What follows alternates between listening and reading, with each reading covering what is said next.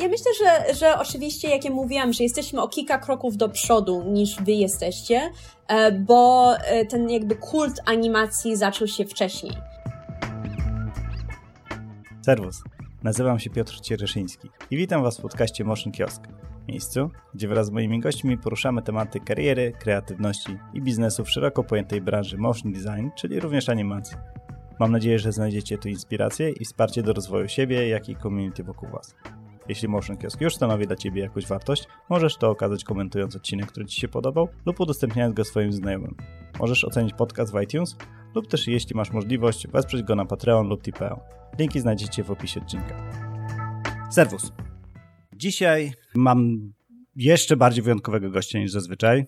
Wszyscy moi są goście wyjątkowi, ale ten to już jest kompletnie. Będziemy mówili troszeczkę w języku obcym, czyli angielskim. Spróbujemy, jak się z tym czujecie. I mam nadzieję, że wszystko będzie git. Osoba, która jest ze mną, myślę, że dla wielu jest znana. Jeśli dla kogoś jest nieznana, to tym bardziej myślę, że będzie ciekawie. I co? Chyba czas przejść już do rozmowy. So, yes, finally I'm using my English during the interview. So, I would like to introduce you the famous Tina Nawrocki. Tina, say hello. Hi, everybody. It's nice to meet you all. I should be called Tina Navrotska, but it did get changed when I moved to Canada because they didn't seem to realize that my father and my sisters and my mom and I were of the same family. So now it's Navrotsky. I think it's quite normal that uh, English spoken countries using the I on the end, right? Yes, they, they Uh, change which it to the nice. male version because otherwise it creates a bunch of complications where you don't seem to be from the same family because they just don't conjugate family names here. So it's quite normal. Tina Nawrocki. Yes. All right. So for those who, who don't know you, the main thing that you're famous for is that you are were Were. that you were an animator for really famous game Cuphead. And the idea behind this game, it was uh, animated in a 1930s style. So, uh, and after that game, I think you were, you became famous just because of this style. So, yeah. So before we get to this point, let's uh, get back a little bit and tell about your story, short story, where you came from and how you get to the animation industry. So this is really fun uh, topic. Everyone asking you about it. Uh, so I would like you to make it short as possible because anyone can Google you and find this, the story about you. So please. Absolutely. And uh, so I am Polish. I was born in Poland in a very uninteresting city. I'm I'm gonna shame my own birth city, Radom. So don't go visit it if you're a tourist. Um, but my uh, my parents uh, were both Polish. I was born there. So was my sister. Uh, I was born during communism still. So our parents decided that they were kind of over it, and they immigrated to Canada because I had family in Quebec, Canada. So I grew up in Montreal. I always loved art. I always loved drawing. My father was very good at drawing, so I was very much supported in that. And being a little Polish girl, I loved horses and decided that I wanted to do horseback riding, uh, but we couldn't afford it because we were poor immigrants. So I decided to paint horses in order to sell them to do riding lessons. And that's how my art story began after which I went to college uh, to a program called illustration and design. Even though I've loved animation all my life, I never kind of considered it as a as a field before. And in that program, which was a, a very short kind of three year program, uh, it's not a degree; uh, it's just a certificate. They had two little animation classes in it. And I, I died. I thought, this is it. This is what I want to do because I've always been very theatrical. I love acting. Uh, I love the theater. I acted, uh, for most of my teenage years into my twenties. And I really love drawing and acting is, you know, and drawing together becomes animation. And that's how I became an animator. All right. Yeah. In one of your interviews, you said this uh, quite strong words is if you don't like acting, don't animate. And I really love this sentence. I really love this sentence because what I noticed, uh, and I mentioned it many times in my episodes, that um, there's a lot of uh, young animators who try to animate, but uh, they are focusing mostly on trying to move stuff like from point A to B, just uh, like uh, through the shortest path. And it's like they consider animating as just moving things, and um, like no one cares about it. So I think a little bit that it's um, just because of the school system in Poland. I think we are not uh, really into animating like a like a real like a hand drawn animation. Is the most famous Polish anim- animations are like uh, from the 1960s, some cutout yes. stuff. I, I think you know the, the the stuff. I I don't really like it's like it. It's artistic it's and experimental, and I think there are obviously very different types of animation. And if you want to move sand around and be an experimental animator, that's a valid art form. But if you want to do character driven animation, then I think acting becomes central. And it is really sad that it's not taught as a, a kind of cornerstone of our our craft because uh, the one time I took an acting class is when I went as a mature student to Sheridan College in Toronto. And there they had one little mm-hmm. class called acting for animation, which was actually, you know, a theater teacher was teaching very introverted artists how to act. And of course I was so happy because to me, this is it. This is what we're about. And he had some great pointers. It was absolutely amazing. We analyzed scenes from the acting perspective.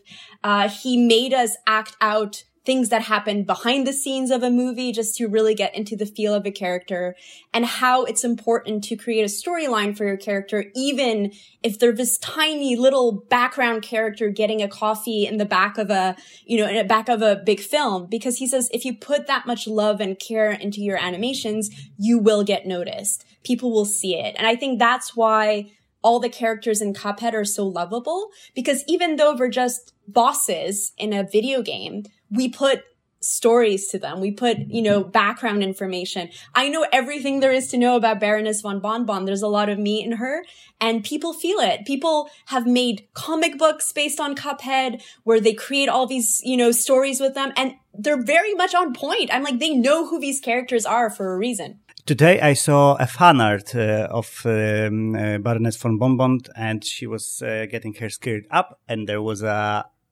dick with balls. Of course. Uh, so yeah, all right.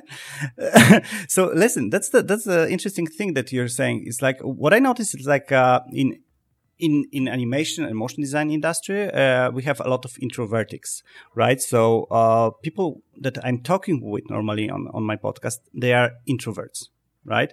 So uh, the big question is like uh, how I imagine that right now. is uh, like a, a big obstacle to be a good animator. Because when you're saying that you were playing in some um, like high school uh, plays or something so you you know acting. So you know how characters should move how to express themselves right?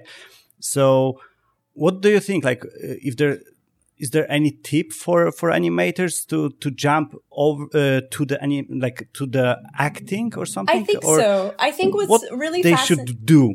I think I think what's really fascinating about the way. So I went to a very odd school. It wasn't a private school. It was a public school. It was called Fine Arts Core Education FACE. It's a high school, and they put as much emphasis on math and sciences and languages as they put on the arts. So you had to play an instrument, you had to sing. I can't sing for shit, but I had to sing anyway. And they also had mandatory theater for everybody. So extroverts, introverts, shy people, you know, uh, people who have a lot of charisma, everybody did theater. But the way they did it, the, the approach was brilliant. So the first year that you're doing theater, obviously you're only doing it in front of each other. You're never on a stage. And we did Commedia dell'arte. And if anybody doesn't know what that is, it's the Italian comedy.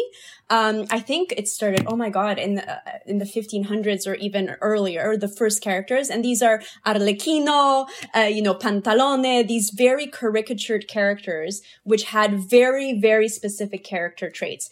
Arlecchino is a trickster. He's always hungry. He's always poor. Pantalone is always rich. He's, he's like super clingy to his money and he's always jealous. And you have these very specific character traits. And what our teachers did is we had to pantomime these characters, not using our voices and covered by a mask. So for anybody who's super shy and introverted, you don't have to say anything. You can make sound effects Oh, and you're covered by a mask and you're told exactly what this character is. And because it's so caricatured and so exaggerated and so physical, people got really, you know, open. They started using their bodies to mimic these little situations and they were all, um, uh, had to be not scripted, but uh, improvised. So we were learning improvisation. So there was like, okay, Arlecchino and Pantalone are doing this, and you know, here's the scenario, go. Just figure it out, play something, do some actions. And then the next year, it was all again um, stories that were completely, you know, made up, no scripts, but no masks. And this time we had to talk. So there was some great, you know, scenarios that the teacher would give us. She would be like, "Okay, this is a little store. Um, you are the cashier." First person come in, you're a client or a customer. What do you do? And then the next person just, when you have an idea, people would go into the store and make an action and you had to remember where everything in the store was. And it was really funny and wonderful. And people got really comfortable with being on stage. And then only the year after, when you're older, that is the first year where you have a script and you have to like learn lines and mm-hmm. then actually present something on a stage. So it was a wonderful progression. And obviously not every animator can do that. But honestly, if you could take at least one improv class, any class, you know, where you don't even have to be on stage, but learn how to improvise, how to make comedy Yeah. in the moment, and you get to know people. And I've had theater classes where extreme introverts, like this tiny little Japanese lady who was so quiet and she didn't want to say a word. And I was in a, in a theater class with her and we were, you know, five people doing a skit. By the end of it, she was hilarious. You know, she really got it. And it just takes time. It takes practice like anything. And I think every animator should take one improv class in their life. That's my little pearl of wisdom there. Yeah, I, I think the same. It's like um, uh, when I read books about animation, everyone is mentioning uh, that uh, any animator they they have to consider themselves as actors. So the acting course, like uh, for like one or two months, took helps and improve the the skills like a lot. Absolutely. And uh, tell me, like, one more thing about those uh, kind of uh, exercises. Like, f- as for myself, I was watching uh, tons of cartoons, like Cartoon Networks and Hanna Barbera, um, a little bit of uh, the old uh, stuff like uh, Popeye and other, uh, and this kind of um, cartoons. So all my expressions, my funny expressions, when how I act in my real life, how I express myself, are based on cartoons. So people think that I'm funny guy. I am, but you know, it's like uh, um, there's a, also a serious person inside of my uh, my brain. So tell me, please, it's like um, what is better for animator? Is like to be introvert and go to this kind of um, acting course and be uh, like a blank canvas. You know, like okay, teach me how to act, or it's better to know some movement because how I animate, I know how ani- animated characters should uh, express themselves. Like I know the key poses for expressing some like things that are like like I don't know like uh you, you get the idea. Yeah, the, I- the scared cat in cartoon is a little bit different than a scared Cat uh, in real life. Yeah, yeah. action movie, right? Yeah, I, I get that. But I think um I my word of advice is to always go as close to the source as you possibly can. Um, and when I teach a class about drawing for animation key poses, one of there's a, a Disney quote where he says, "I don't think we can create the fantastic based on the real if we do not first know the real." And so Mhm. all the when you're studying only animations, you're already studying somebody's perspective on reality. So you're two steps away from reality. Whereas if you study reality first, uh, so for example, if you're really looking at amazing caricatured acting, go to pantomime, go to Charlie Chaplin. You know, like these amazing timeless actors, uh, mimes, you know, people who use their bodies in physical comedy which is an amazing inspiration for cartoons later because I obviously I love, you know, some of the greats and I study their animations to see how they do it, like go frame by frame. Sometimes I print out their keys and like try and in between them like Milt Kahl or, you know, Ollie Johnston just to see what they did. But when you listen to interviews of the greats, they were passionate about studying reality, about being obsessively observing how people move, how people react, how different people do things. Because one of the um, kind of things that we could all fall into as animators is that when we're acting out all our own characters ourselves, we tend to do things the way we would do them even if you're a great actor and mm-hmm. you're trying to embody this different character, you're still putting yourself a lot in there. So by observing others, by observing Charlie Chaplin, by observing, you know, like these great, uh, like Laurel and Hardy, these great comics from the past or, you know, great actors doing a character, you're observing how somebody else would do it. And that will give more texture to your animation. It will make your animation more original and you won't keep going back to the same old tricks always and always. One of my best mentors, Samantha Youssef, keeps saying if you go and to a coffee shop to draw people drinking coffee, not two people in the coffee shop are going to dr- be holding their mugs the same way. Yeah. And if you're drawing a character holding a coffee mug, you will draw it automatically the way you hold a coffee mug. Whereas probably that character wouldn't be holding it that way. So observing reality is number one.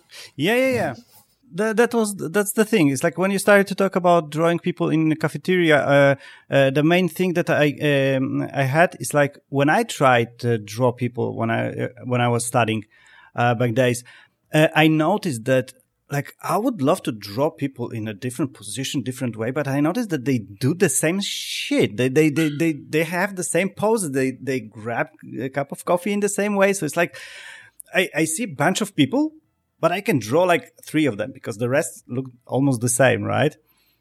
Oh, I don't think so. I think I think you maybe maybe you were young because I find if you really take the time to study the minute differences of like you know, like a young Asian woman with her little friend and they're both happy, you know, and talking will be holding their cups differently than the guy on his phone who's like stressed out, you know, like there is those differences yeah, and sure. you, it's, it's, it's all about observation. And sometimes, you know, especially young people get frustrated or impatient.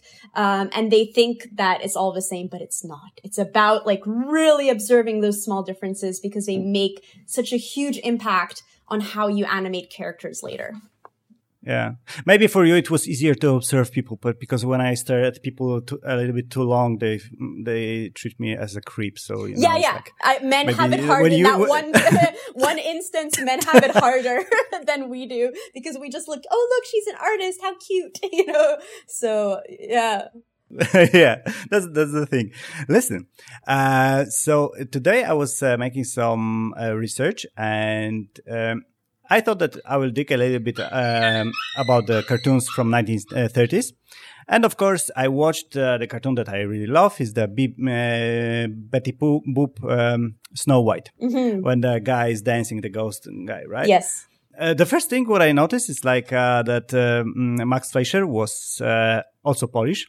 Yes. And uh, he he immigrated when he was four. So so yeah, maybe that's like uh, this if if you want to become famous in uh, animation industry you have to Bo- like, born in to, Poland and immigrate when you're North, a child. yeah move to North America. Yes absolutely. Yeah. He has a fascinating life story. I read a wonderful uh, biography that his son Richard Fleischer uh, wrote about him. So really interesting character. Uh, worth knowing more about him if you're you know into animation yeah, for sure. I need to read about him. Uh, I read uh, about Disney. I, I read Disney's uh, biography and I was shocked. The guy is cool. Yeah. For me, uh, Steve Jobs is lower than, than uh, he's a genius. Disney, yes, for sure. Absolutely, absolutely. Yeah. So listen, uh, what I noticed in these animations, because I noticed that um, in 1930s they were animating like those, uh, you know, the um, rubber hose, the rubber hose, thighs, uh, arms, and etc. But all the movements are really organic.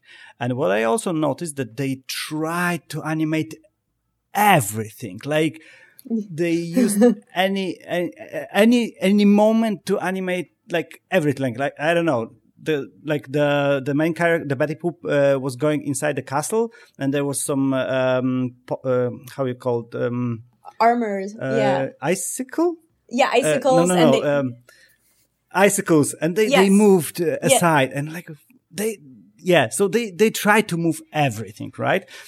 Uh, and I love it, and uh, right now uh, nowadays uh, people I think people try to avoid animating things. Like, of course, we have these crazy animations right now. Like, um, I don't know, but right, uh, what I noticed is like uh, before, animators was trying to animate literally everything on the screen, and right now.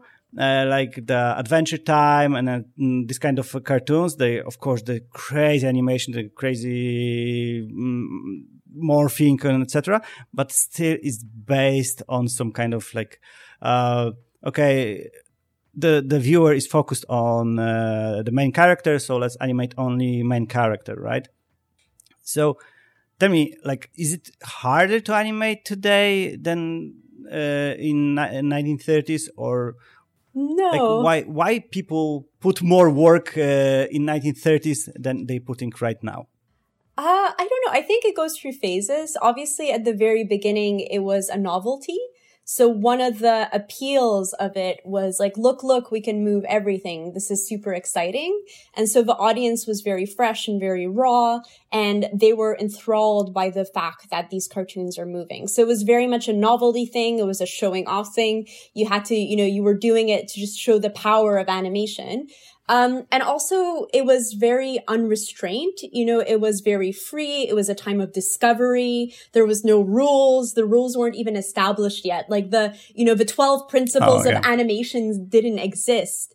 Um, so it's really, really impressive just to like, you know, see all this stuff moving. And then two, there was no labor laws. People were being worked to death. It was the Great Depression. Uh, you know, people were having, um, were just super excited to have any job, right? And so if you read, uh, The Illusion of Life, for example, and, um, and some of those like, you know, early Disney, like what was the studio like?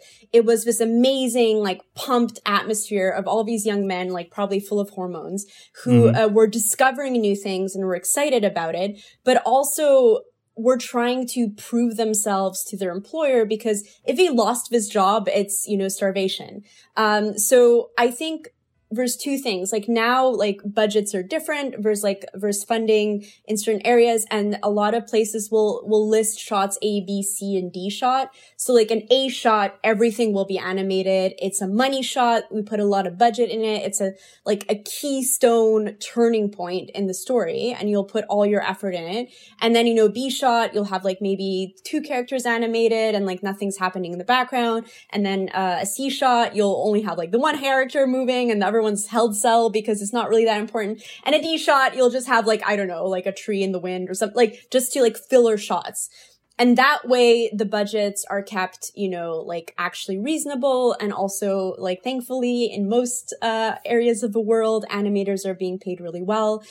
You can kind of see better quality animation or more intense animation in places where animation labor is cheaper. So if you look at anime sometimes you'll have these like incredible anime productions, but then they're paying the equivalent of $10,000 or like to $20,000 a year to like a mid-grade animator, which is a ridiculous, like poverty line. So I think it has to do with money. It has to do with the novelty of what it was like in the 30s to be an animator and the Great Depression. So there you have it, history. Nie. Arty artysta głodny jest o wiele bardziej płodny, No jak to się o to mówi. chodzi, o to chodzi. So, um, yeah, and um, why I'm talking about uh, this animation because when when I was playing Cuphead, I noticed that, uh, and also the old cartoons, I noticed that they are based on loops, right?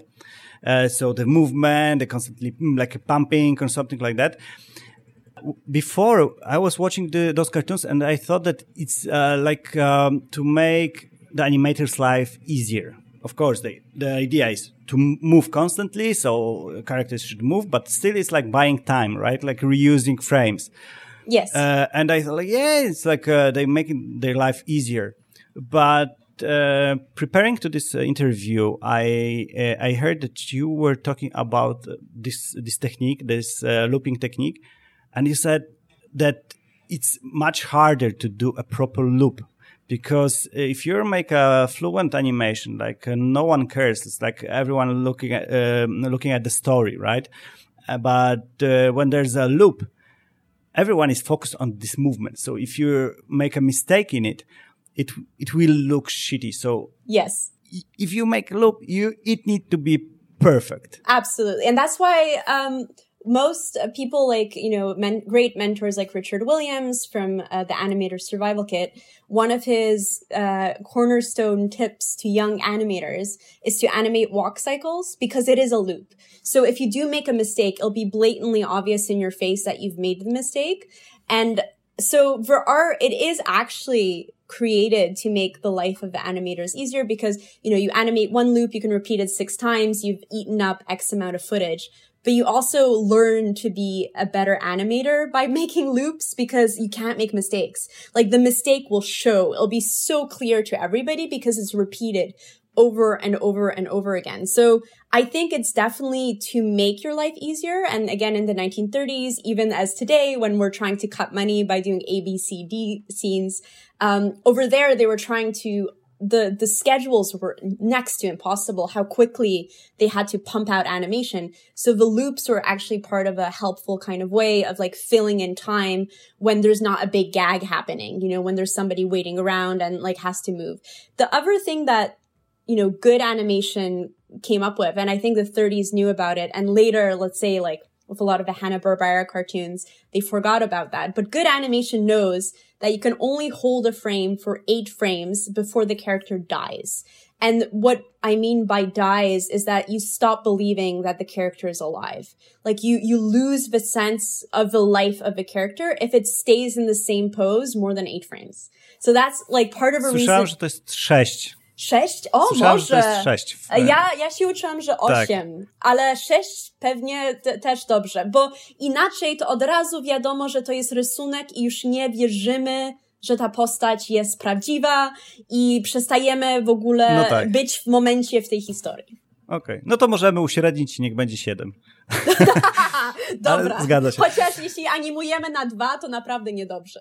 Tak jest. Słuchaj, dlaczego ja pytam o te, o te lupy? Ponieważ, mm, nie wiem, no mam wrażenie, że moi słuchacze jakby są gdzieś tam na takim pewnym etapie początków kariery. Ja w to wierzę. Po prostu zakładam też, że no, są doświadczeni ludzie, ale ci doświadczeni już mają na tyle doświadczenia, że pewne informacje już tam mm, przeprocesowali, więc też próbuję jakieś takie hinty dawać ludziom, raczej tym powiedzmy początkującym. I zastanawiam się, w jaki sposób jest dobrze prezentować swoją pracę e, online, jeżeli wrzucamy do portfolio. Czy lepiej próbować animować właśnie jakieś sceny, takie wiesz, nie wiem, jakieś action scene, tak, że nie wiadomo co się dzieje? Czy lepiej na przykład właśnie takie popularne, jakieś gifowe e, pętle, lupy sobie animować i co jest według, nie wiem, uważasz lepszym takim, lepszą praktyką w próbie znalezienia pracy, e, w połączeniu ze sz- szlifowaniem swojego takiego warsztatu? Ja myślę, że na pewno, kiedy rozmawiałam z osobami, które szukają młodych e, animatorów lub młodych artystów, e, często są kilka takich momentów, gdzie to jest, wiemy, że to będzie dobra osoba, dobry kandydat do tej pracy. Generalnie zobaczyć, że potrafią e, rysować e, na- z e, prawdziwych ludzi. Czyli gdzieś w portfolio musisz mieć jakieś rysunki modela, e, portrety, rysunki ludzi, rysunki zwierząt, bo jak ja zawsze mówię, że najlepsi animatorzy są ci, którzy już znają e, świat prawdziwy i analizują ten świat, żeby potem zrobić z tego animację. Więc to jest bardzo ważne. E, druga rzecz, jeśli chodzi o takie popularne gify, czy jak, jak mówisz, lupy, ja myślę, że trochę jak e, przedtem powiedziałam, że Richard Williams ciągle mówi, że najtrudniejsza rzecz, żeby animować, to jest e, chód e, e, postaci. E, chód, bieg, e, takie rzeczy. I to jest loop, bo to oczywiście musi się zacząć na tym samym miejscu, gdzie się skończyło. Tak. I Jeśli pokażesz powiedzmy pięć ciekawych takich chodów, to już jest super na twoim portfolio. Jeśli masz taki moment, gdzie chcesz coś dodać, coś zrobić, to ciekawą postać i pokazać jakby osobowość tej postaci w chodzie, to jest bardzo ważne. A mhm. jeśli chodzi o takie mm, rzeczy, takie akcje i tak dalej, to trochę zależy, jakim animatorem chcesz być. Niektórzy chcą animować takie sceny akcji i znam bardzo fajnego animatora. Tutaj w Kanadzie się nazywa Nashir Pasha i on animował w stylu Dragon Ball Z. Wiesz, te takie walki, e, że wszystko jest akcja. I on animował taki fanart tego super świetnie i dostaje pracę, gdzie tylko animuje takie akc- sceny akcji, gdzie ludzie walczą, gdzie jest szybko, gdzie jest dramatycznie i to on uwielbia, a inna koleżanka uwielbia sceny, gdzie jest um, dużo emocji, że jest powoli, że osoba mówi, że jest jakiś taki ten bardzo, bardzo moment e, emocjonalny i ona robiła dużo dla portfolio mhm. tego, bo ona wiedziała, że to jej się jej najbardziej podoba. Więc jeśli już wiesz, co lubisz, to rób to. A jeśli nie wiesz, to rób trochę wszystkiego. No tak. E, e, właśnie sobie przypomniałem, że ostatnio widziałem jakiś taki japoński albo jakiś chiński, nie wiem, teledysk i tam była taka animacja e, dziewczyny, która tam na początku idzie, później zaczyna biec i zaczyna płakać i to jest tak zajebiście zanimowane super, właśnie teraz jak ty powiedziałaś właśnie o takich melancholijnych rzeczach, to właśnie mi się przypomniał Musisz mi pokazać, bo ja tego nie znam. Musisz mi wysłać później link. Tak, tak, tak, podeślę, podeślę tobie, bo patrzysz po prostu, wiesz, i super wciąga. No, super wciąga, i o to wiesz, chodzi. I ja myślę, jak, że... Jak ta dziewczyna płacze. Tak, ja myślę, że jeśli jesteś naprawdę początkującym, to animować chody jest naprawdę super. Jeśli e, później e, chcesz pokazać, co możesz więcej zrobić, to jest bardzo trudno animować lip sync, czyli kiedy postać mówi e, i żeby dźwięk mhm. E, razem jakby z e, ustami dobrze, dobrze się synkował. Więc są takie różne, pamiętam kiedyś było coś takiego, co się nazywało The 30 Second Club, czy coś w tym stylu, tak, tak, gdzie tak. dawali beat e, kilka sekund, jakieś jedno zdanie i wszyscy animowali to jedno zdanie i to było co miesiąc jakieś nowe zdanie. Tak, tak. Więc takie rzeczy są super też i trudne, więc to naprawdę pokaże, że potrafisz animować. Więc takie, takie jakby, bo te takie fanarty i tak dalej, to może jest dobre, że dużo ludzi będą cię śledzić na Instagramie i tak dalej, ale jeśli chcesz mieć dobry warsztat, żeby znaleźć pracę, to szukamy naprawdę, co potrafisz zrobić jako animator. No to jest ciekawe właśnie, żeby te challenge robić, bo e, po pierwsze można sobie poćwiczyć warsztat, po drugie porównać się z innymi, a po trzecie E, pracodawca też może spojrzeć na twoją pracę właśnie na tle innych, tak? tak Jak jest. bardzo jesteś lepsza od innych, innych, powiedzmy. No i czasami jest, jest trudno też po prostu sobie wymyśleć, chcę coś zrobić dla portfolia i nie masz żadnego tematu, po prostu masz artist block, że nie wiesz co zrobić, a takie challenge i inne po prostu wiesz od razu, masz to zdanie, masz wymyślić postać, od razu jest jakiś pomysł, e, więc ja myślę, że takie rzeczy są super. Wiesz co, dzisiaj miałem taką myśl, że e, właśnie znaczy no, nie tylko dzisiaj, ale ogólnie wokół tego e, się kręcę, że właśnie myślałem sobie wziąć jakąś scenę z polskiego filmu i zanimować ją, znaczy wiesz, no jakby sam dialog, ale później pomyślałem, czy, czy, czy to jest dla mnie warte zachodu, czy lepiej właśnie zrobić, wziąć jakiś film zagraniczny, który wszyscy znają i jego zanimować. I moim takim problemem jest to, że tak z jednej strony chciałbym oddać powiedzmy hołd jakiemuś tam polskiemu filmowi, tak z drugiej strony mam wrażenie, że kurczę, no jednak skoro już coś robię, to wolałbym to zrobić tak trochę na pokaz i ewentualnie móc wystawić się na rynek Taki ogólnie, żeby, ogólny. wiesz, mnie odkryto. I tak, i za, za, zacząłem się zastanawiać, że kurczę, trochę takie niewdzięczne jest to, e, że siedzę w Polsce, znaczy siedzę, no teraz nie siedzę w Polsce, ale jestem Polakiem i jakby mój background nie jest ciekawy. E, już, już rozwijam trochę. E, bo jak się przyjrzałem twojej Baroness von Bonbon, ona była zrobiona z amerykańskich słodyczy. Takich, wiesz, typu te kulki, co tam je zlizujesz, co ja na filmach widziałem, no nie, że wiesz, takie, e, czy, czy te cones, takie, takie żółtawe z tym tak, dzióbkiem tak, białym. Tak. To też jest z amerykańskich filmów. Czy te, te laseczki takie biało-czerwone, co wiesz, co, co wesoły święty Mikołaj w Ameryce jest, a nie, wiesz, ten zamulony w Polsce.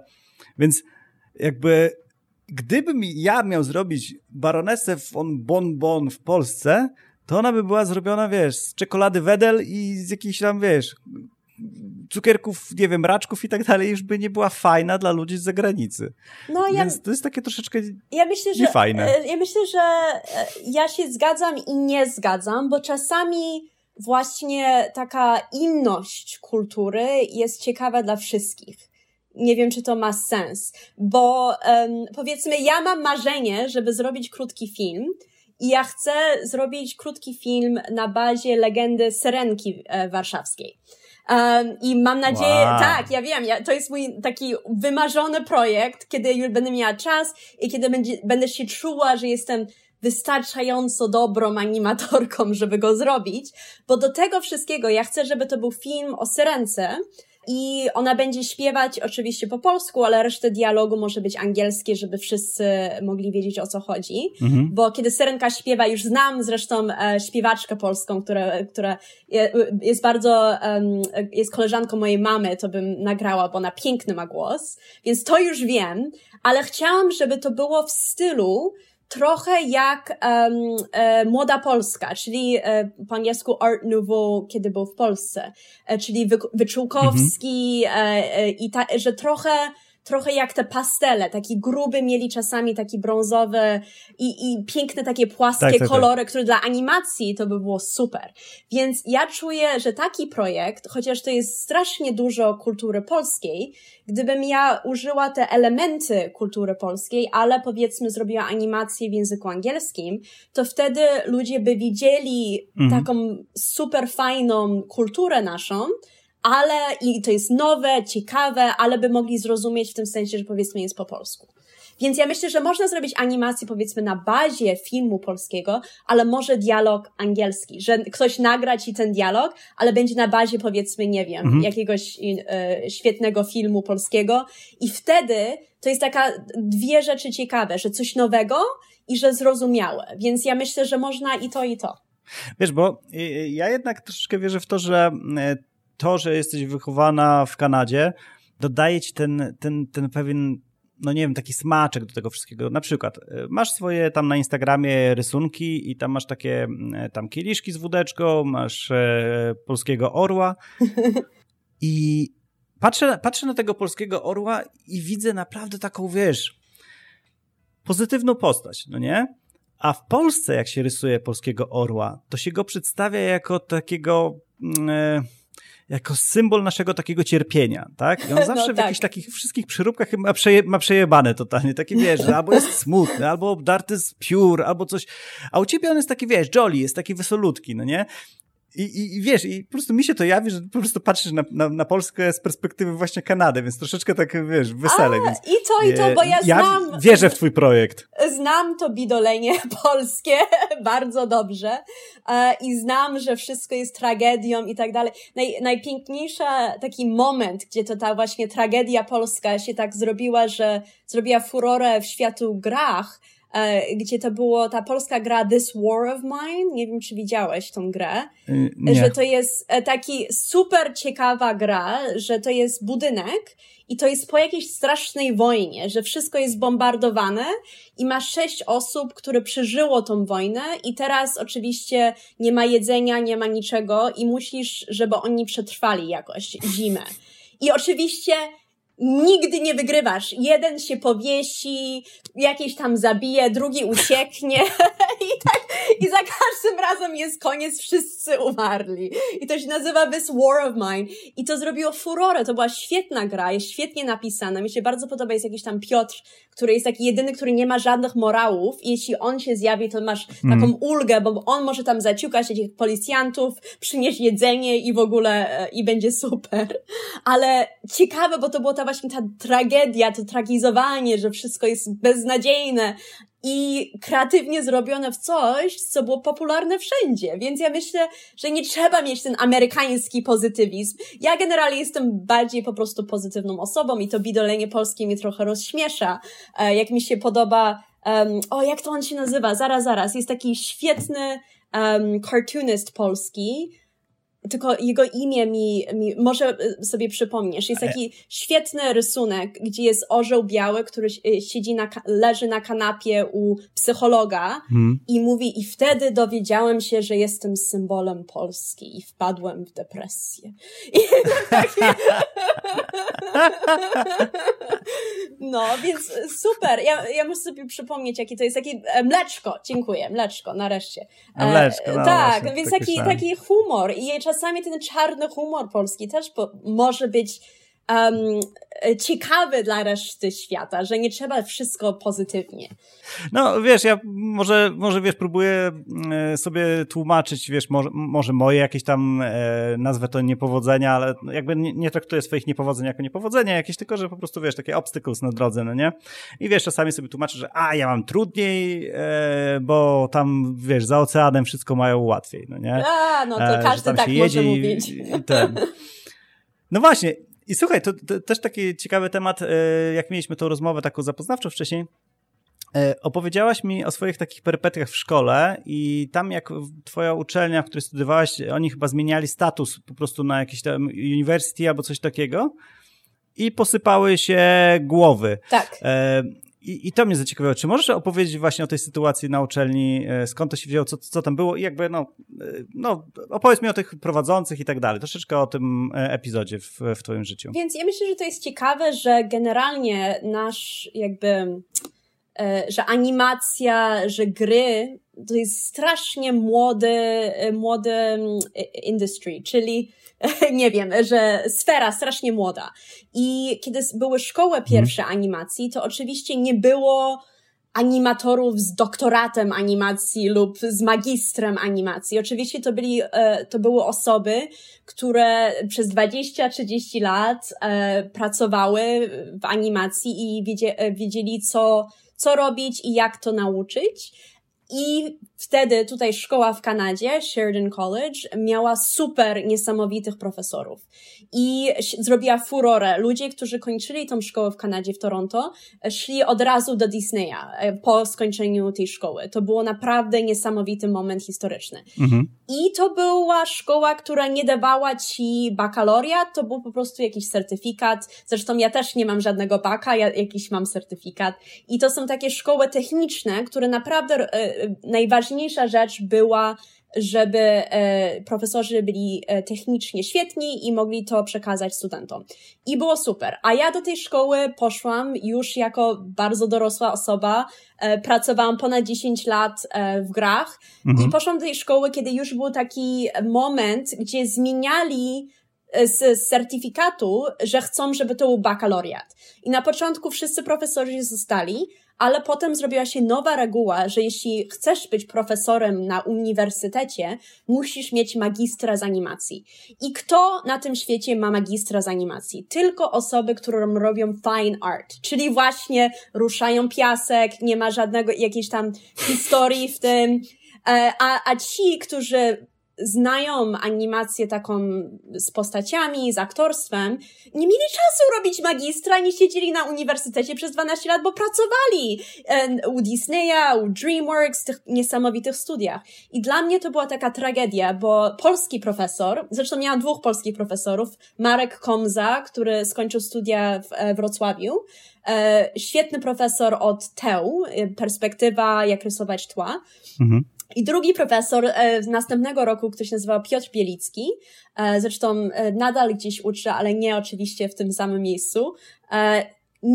Chyba najlepszy nauczyciel, jaki kiedykolwiek miałam. Jeśli chodzi o, o tła, o jak robić storyboard, ma pasję, potrafił narysować takim mazakiem na tym takim białym, Boże, tablicy, całą po prostu niesamowity świat w perspektywie, wszystko działa, niesamowite. On pracował dla Atlantis, e, rysował ręcznie, jeszcze na kalce pokazano tła, który rysował dla Atlantis, pracował dla Mulan, pracował dla niesamowitych produkcji i go zwolnili, bo nie ma magistra. Czy sobie wyobrażasz, jakie to jest beznadziejne?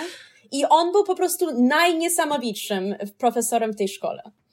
No właśnie, ta historia mi się no, spodobała. No nie spodobała mi się, ale zaciekawiła mnie, bo, bo tutaj troszeczkę ja w tym podcaście troszeczkę staram się rozgryźć polskie uczelnie i my jeszcze troszeczkę mm, z tym tutaj walczymy w ogóle z jakością nauczania animacji, tak? I ostatnio właśnie z jednym z rozmówców rozmawiałem, że kto ma uczyć, no nie? I e, w tych, w tych uczelniach. I on powiedział mi, że prawda jest taka, że najprawdopodobniej my będziemy dopiero uczyć, tylko teraz rozwijamy swoje kariery, nauczymy się animować, będziemy mieli experience i dopiero wtedy ewentualnie ludzie jakby z naszego tego świata aktualnego wrócą na uczelnię uczyć nowych, bo w tym momencie nie mamy nikogo, tak. kto by nas mógł uczyć. I to Jeżeli jest ktoś normalne. coś umie, tak, tak. To, to pracuje. To pracuje, to nie... nie... ma czasu. Ja zresztą też nie mam czasu.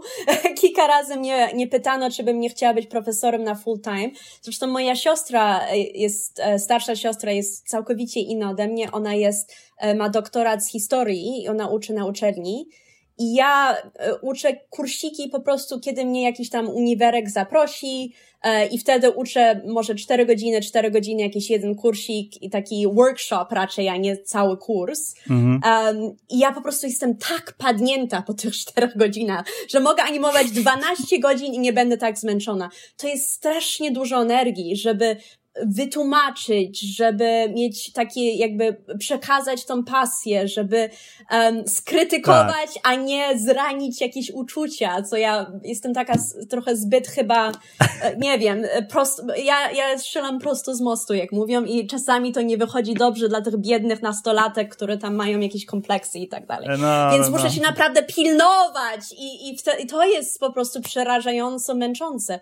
Więc ja nie wiem, jak, jak, czy ja kiedykolwiek kiedykolwiek będę profesorem, bo to naprawdę mnie męczy, ale to jest ważne. I ja, ja czuję tak samo, jak mówię, że to jakby jest dzieciństwo animacji w Polsce.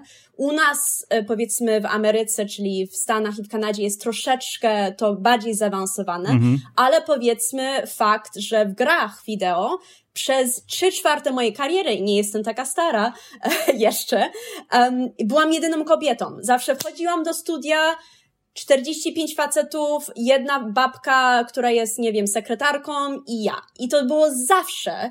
I tylko, tylko niedawno jedna, może dwie kobiety się pokazują i to się powoli zmienia. Kiedy robię właśnie ten mentoring, to jest dużo młodych kobiet, ale będzie to jeszcze 10 mm -hmm. lat, zanim poczujemy, e, że jest więcej właśnie kobiet w animacji lub w grach wideo, to naprawdę jest nas jeszcze mało. I to znowuż jest takie dzieciństwo, że wtedy to będzie inaczej, bo będą inne głosy, będą, e, będzie więcej kobiet, które animuje, więc będzie jakaś inna jakby perspektywa. I, I tak samo po prostu z różnymi kulturami, które animują. Teraz, bo jesteśmy, e, tak e, po angielsku to jest Global Village, e, że jest internet mm -hmm. i mhm. przez pandemię, e, kiedy pracowałam nad filmie Space Jam, to ja byłam w Kanadzie, e, inni ludzie byli w Stanach, e, jeden facet z Berlina też pracował nad tym i po prostu animatorzy wszędzie pracowali nad tym jednym filmem i w jednym studio, że to nie są różne studia. Więc ja myślę, że, że to jest mhm. jeszcze w wielu jakby perspektywach jest to dzieciństwo naszego e, animacji i, i gier i w ogóle tego wszystkiego i że właśnie, że za, za generację lub dwie będzie lepiej. Ale co jest fajnie, że teraz Polacy, młodzi Polacy, którzy chcą się uczyć i może nie mają tych profesorów na uczelni, że mogą się zapisać na kurs internetowy, że mogą znaleźć tych profesorów nie w swoim kraju. I to jest ciekawe. No właśnie tak próbuję tak się zastanowić jakby nad naszym jakby poziomem jakby mm, nauczania, no nie o to chodzi, jakby, ale rozwoju tej polskiej animacji aktualnie, i po pierwsze, faktycznie zauważyłem, że bardzo dużo dziewczyn jest zainteresowanych e, animacją, co jest super. Po drugie, no przynajmniej jakby ja trafiam na to, tak? Jakby jak już gdzieś tam e, prowadzę ten podcast, to, to jakby już i Instagram, i Facebook podpowiada mi animatorów i widzę, że dużo właśnie jest animatorek, nawet więcej. E, drugą rzecz, jeden z rozmówców właśnie też mi Piotr Kardas wspomniał, że bardzo fajny teraz jest okres, że z racji tego, że dziewczyny zaczęły animować, i też globalnie się bardzo dużo mówi o prawach kobiet, o ich sprawach, to też im się chce eksperymentować, e, jakby posługiwać się ekspresją, wiesz, swoich uczuć, swoich spraw, tak? Więc jakby mm, to też jest fajne, tak? Jest taka eksplozja fajnych, ciekawych tematów. I może faktycznie, kurczę, wiesz, warto na to spojrzeć w ten sposób, że okej, okay, może nie, nie, nie, nie kładźmy takiej nadziei, że idę na uczelni i tam mnie nauczyła animować, tylko właśnie wykorzystajmy tą naszą pasję. Tak. Tak, do, no. do animowania. No bo, bo, inaczej... bo nawet to, co teraz rozmawiamy o tej historii, o, przepraszam, jeszcze tylko dokończę, o historii animacji, że właśnie ten e, Max Fleischer jak animował, tak, e, czy, czy Disney na początku, to oni po prostu robili swoje, wiesz, tak. eksperymentowali, robili po, ponad miarę nawet. I, no, było, I było e, pasja, bez, było to ciekawe, nowe. Ja myślę, że często nawet, kiedy patrzyłam, i to było dla mnie strasznie ciekawe, bo kiedy ja E, robiłam ten mój certyfikat, miałam 18 lat i potem, kiedy wróciłam mhm. do szkoły, miałam 28 lat, więc e, 10 lat później. I, i wszyscy, którzy byli w szkole, mieli 18 lat, więc to było takie, miałam perspektywę trochę z dystansu, kiedy już byłam e, w studiach, e, trochę powalczyłam, trochę miałam różnych takich e, rzeczy, co, co poszło źle. I patrzę na tych młodych i często szkoły jakby widziałam, że przemęczały studentów i że ta pasja nie rosła, tylko została jakby zabita w nich. Mhm. I to mhm. było strasznie dla mnie smutne.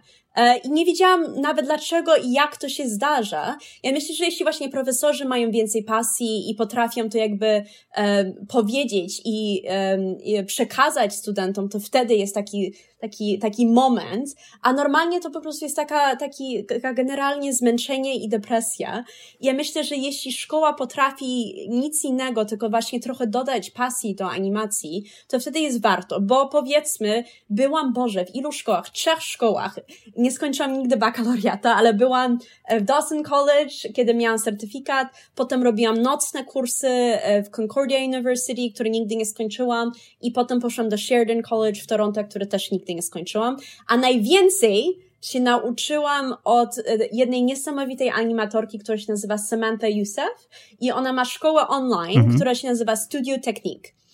I ona nie w jednym kursiku nauczyła więcej niż te wszystkie lata e, próbowania właśnie chodzić do normalnej szkoły. Więc czasami nawet to nie, że Polska, czy tam powiedzmy, że w Stanach jest na pewno lepiej. Czasami nawet tutaj nie ma takiego dobrego warsztatu i trzeba po prostu go szukać gdziekolwiek możesz. I ja myślę, że jeśli znajdziesz jakiegoś mentora, jakiś kurs, e, to, to możesz dojść do tego samego poziomu, co wszyscy, mhm. którzy mhm. siedzieli cztery lata w bardzo drogim programie.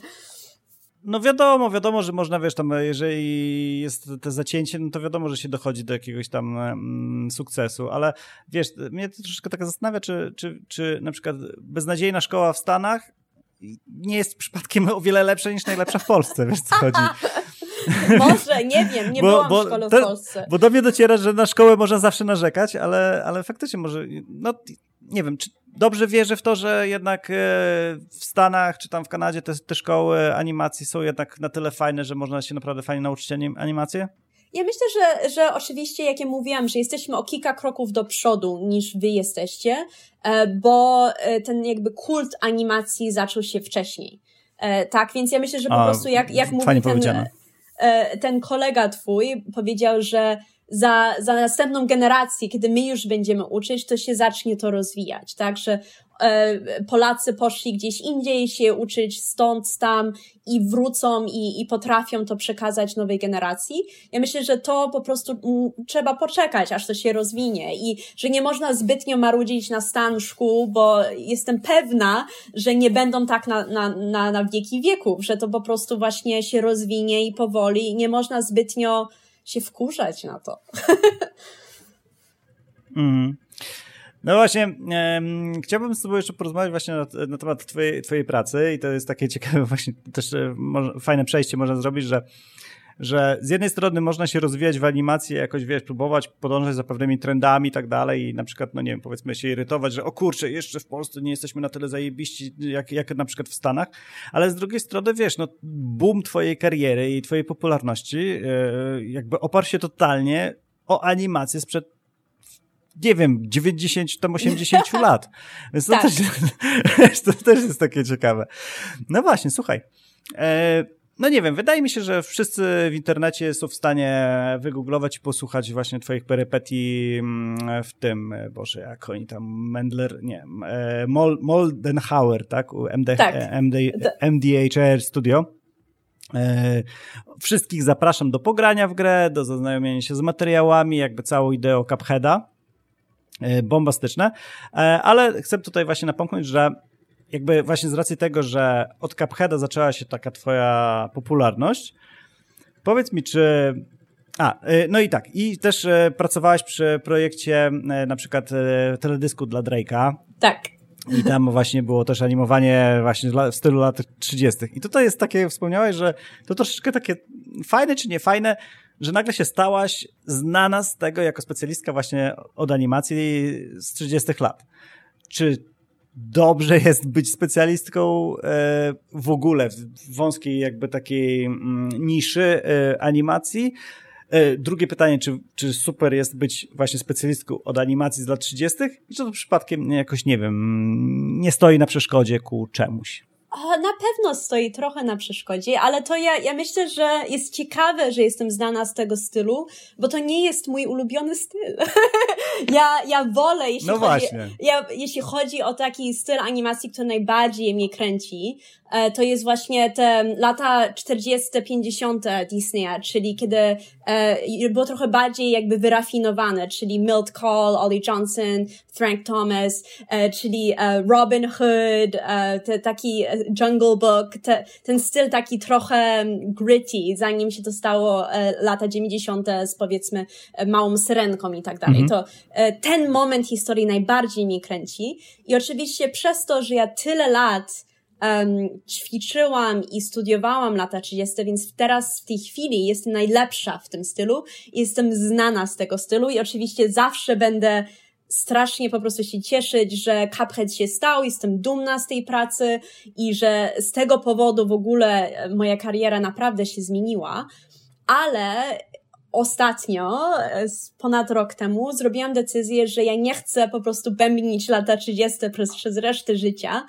bo ja myślę, że to nadal jest trochę prymitywny styl animacji, że oczywiście to jest te początki i muszę podkreślić, że styl e, Studio MDHR, Cupheada, jest jakby trochę wyrafinowany styl lat 30., że on jest trochę, trochę bardziej taki e, ten polished e, niż same lata 30., że naprawdę widać, że ci animatorzy, którzy na tym pracowali, mieli warsztat, którzy ci w latach 30. jeszcze nie mieli mm -hmm. lub nie no tak. widzieli o tym. Więc to jest trochę taki, że to jest lata 30 powiedzmy plus plus.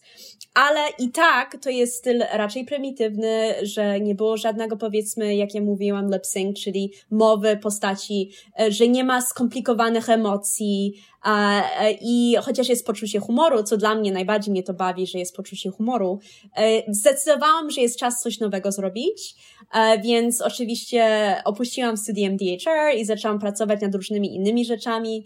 Pracowałam nad Green Eggs and Ham, seria 2, który jest świetny serial mm, na Netflixie. Tak, tak, super tak. Zaraz fajny. I uwielbiam styl Dr. Seuss, więc to było super ciekawe, ale od razu widać, że powiedzmy kiedy zaczęłam moje pierwsze sceny i um, pracowałam nad tym projektem przez to, że jeden z moich profesorów z Sheridan, Blair Kitchen, e, mi dał tą pracę i na początku było zawsze, że wszystkie moje pozy są zbyt intensywne, bo w latach 30. wszystko jest takie super intensywne, więc musiałam naprawdę się nauczyć, żeby trochę, trochę zrobić to bardziej subtelne, bardziej subtelne, bardziej subtelne. Mhm. I musiałam się jakby przekręcić na to.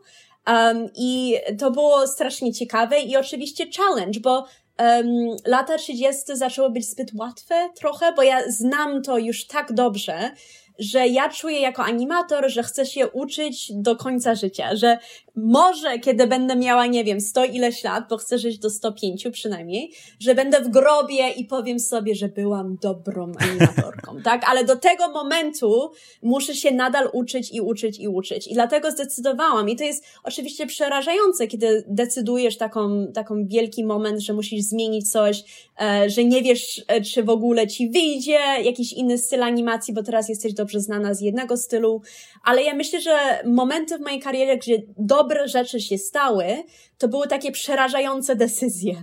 Typu, że przed Cupheadem no tak. miałam dobrą karierę w Montrealu, gdzie robiłam gry, ale nie robiłam tego, co ja chciałam, czyli to była animacja 2D, taka klasyczna. Więc w wieku właśnie 28 lat e, opuściłam dobrze płatną pracę, dobre mieszkanie, wszystko niby cacy i zdecydowałam, że się przeprowadzam do nowego miasta, znowuż będę studentką, wszystkie moje oszczędności pójdą na płacenie szkoły, będę mieszkać w jakimś małym basementiku, który śmierdzi i ma różne robaki i tak dalej. I e, spróbuję po prostu te kilka lat w szkole tylko robić dwa wymiary, co ja chciałam robić. I to była przerażająca decyzja. Mój związek, wtedy miałam 10 lat e, tego samego partnera, się rozpadł, więc było kupę tragedii, jeśli chodzi o taką decyzję. Ale w końcu, kiedy to skończyłam, e, dostałam Cupheada i to był taki pierwszy moment, że zrobiłam coś, co, z czego ja byłam strasznie dumna mhm. i, i przez tą taką przerażającą decyzję to się stało. I oczywiście druga przerażająca decyzja było, że przestaję robić e, pracę dla Studium DHR i że próbuję coś nowego, ale wtedy miałam szansę niesamowitą, żeby pracować nad Space Jam, co jest styl właśnie Looney Tunes, który jest też bardzo ciekawy i inny. To czekaj, czekaj, zaraz dojdziemy, bo jeszcze chcę e, napomknąć MDHR i zaraz przejdziemy do, do następnych animacji, bo tak jak mówię, e, jakby Cuphead, ten temat już jest po prostu chyba na maksa wyczerpany w na internecie. Maksa. Ale tak jest, ale co zauważyłem, że jak wpisujesz Animator Interview e, Cuphead, to jesteś ty. Tak. Ale ty w Cupheadzie się pojawiłaś chyba po trzech latach. I, te, I teraz tak. pytanie, byli wcześniej, wcześniejsi odcinki. Tam jest taki, e, jakiś taki e, Hindus, chłopak, nie, nie, takie Hanna Abi nazwisko i tak dalej. Hanna okay. Abi No właśnie, tak. i on chyba jest takim, on też chyba jest takim super e, On jest niesamowity, tam, bo on pracował też dla Disneya. On powiedzmy pracował w animacji tradycyjnej dla uh, Mary Poppins, drugą wersję. I on, oh, wow. on, on zresztą, kiedy oboje, ja i on mieliśmy nominację do Annie Award jako indywidualni animatorzy za naszą pracę Cupheada i ci, którzy nie znają Annie Awards, to są jakby nasze Oscary e, świata animacji i on wygrał tego Oscara, więc on dostał e, tą nagrodę za jego pracę. On zresztą jest niesamowity, tylko on jest bardzo prywatny, bardzo cichy, okay. e, introwert i on ja właśnie, ja lubię aktorstwo, ja lubię być na scenie, w ogóle nie mam tremy, kiedy Aha. mówię przed, przed 500 osób i tak dalej, e, to mnie, to mnie bawi, to mnie kręci, chociaż jestem niby introwertą w tym sensie, że jeśli za dużo ludzi widzę, potem muszę trochę odpocząć od tego wszystkiego, no, wiadomo, ale, wiadomo. ale, ale jestem po prostu ten, że lubię rozśmieszać ludzi, e, lubię żartować, i ja myślę przez to, że jestem taka trochę bardziej teatralna, czy i tak dalej, że potrafię gadać po prostu godzinami i, i to mnie nie nudzi. Dlatego chociaż ja myślę, że Hanna jest lepszym animatorem i i on był tam dłużej i on naprawdę strasznie pięk dużo pięknych animacji dodał do najbardziej znane animacje typu ta marchewka i tak dalej, to jest jego. Tak, e, tak. On, on ma e, sam animację Diabła, to jest jego takie naprawdę niesamowite rzeczy ale on jest cichy i z tego powodu przez, przez takie sławę internetową to ja ja trochę jestem głośniejsza i tak wyszło. No, no właśnie, to jest takie ciekawe case study, nie? Jak najbardziej e, szanuję ich pracę, jakby też chcę, żeby ludzie rozumieli, że Cuphead to nie tylko ty, tam cała rzesza właśnie animatorów jest. E, ale na przykład, wiesz, czy, czy, czy jeżeli do ciebie, bo ja sobie tak, wiesz, wyobraziłem, wiesz, dzwoni do ciebie Drake, mówi siema, wiesz, będziesz robiła mi, mi animację. Czy wiesz, czy, czy na przykład Hanna może, mógł się na przykład wiesz, poczuć na przykład taki urażony, że kurde, jak to jest, nie? Ja jestem taki kozak, a wiesz, a to Ale on jest... biorą, kurczę, dziewuchę i ten. Ale co jest niesamowite z Haną też i to jest dlatego, że ja, kiedy zaczęłam z nim pracować, bo Studium DHR przed nawet COVID-em było zawsze wszystko online, że nigdy się nie spotkaliśmy na żywo, bo zresztą Hanna jest e, w Aha. E, San Francisco, um, Jake Clark był w Vancouver, Joseph Coleman w LA um, i Dee Johnson też była w San Francisco, e, więc e, tylko spotkaliśmy się po raz pierwszy na premierze. Oh, wow. I tak ja żartowałam przez całego Cupheada, że ja coś robię i mówię, kurde, fajna animacja, super. Widzę to, co Hanna robi, cholera jasna, go nie cierpię, bo to takie dobre, że nigdy nie będę taka dobra i tak dalej. I zawsze żartowałam, że ja go nie cierpię. I potem go spotkałam i kurde, nie można go nie cierpieć. On jest taki słodki, tak. zero ego, po prostu jest zbyt miłą osobą i nie można do cholery go nie cierpieć. I tak się byłam ten, że jak ja mogę teraz, nie mogę go nie cierpieć. I on jest taki, że absolutnie, jeśli ktokolwiek ma jakieś sukcesy, um, właśnie studiem DHR, że powiedzmy ja mam więcej interview czy coś w tym stylu, to on absolutnie nie ma tego za złe, jest taki słodziutki, ma małą córeczkę, robi jej takie z drewna jakieś zabaweczki, jest po prostu cudowny, więc absolutnie Słuchaj. Dobra, a teraz pogadajmy troszeczkę właśnie o twojej karierze, jakby co się działo po MG, MDHR. Ten temat z Drake'em. Dlaczego ja troszeczkę drążę? Bo wiesz, jak w Polsce powiesz Drake, no to wszyscy wiedzą, super sławny koleś, no nie, no i współpraca, wiesz, jakby przy jego teledysku, to wydaje mi się, jest jakaś nobilitacja. Czy na przykład to, co robiłaś w, w tym teledysku, y, możesz odpowiedzieć, może nie, ale czy to jest duży hajs, czy nie? Duży hajs, czyli co? Ja, ja trochę nie rozumiem może tego slangu polskiego. Okej, okay, hajs to jest pieniądze. Czy, czy się dużo zarabia przy takim projekcie? Robiąc dla tak sławnego człowieka.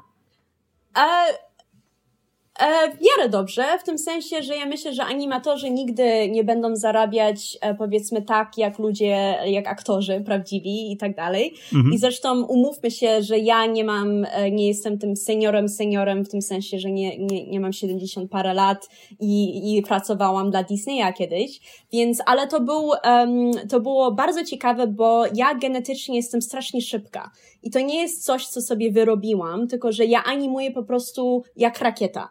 I to i mówię to każdemu klientowi, uważaj, ja animuję bardzo szybko, to nie jest normalne, więc nie uważaj, że inni animatorzy będą tak szybko animować. I powiedzmy, animowałam ostatnio dla klienta e, z e, Kuwaitu mhm.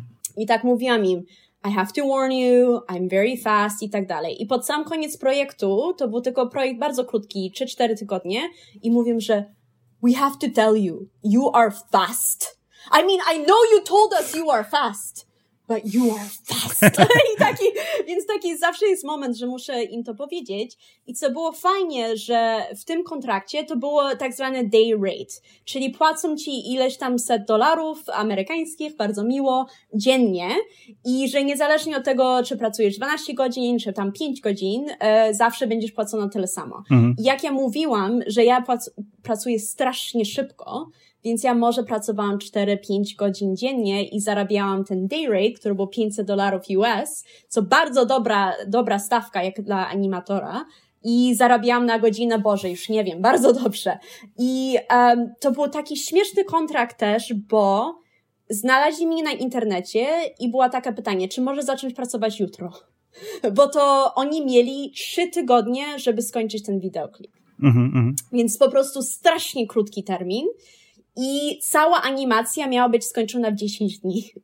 I ja po prostu pracowałam okay. cały weekend, więc to było 10 dni animowania i dlatego też ludzie byli trochę jakby um, rozczarowani, że powiedzmy niektóre te pomysły tych animacji nie zostały e, włączone w ostatni wideoklip, ale nie przez to, że nie były fajne, czy się nie podobały, tylko że po prostu nie było czasu, żeby potem je zrobić tuszem i zrobić kolor i żeby one były na czas skończone.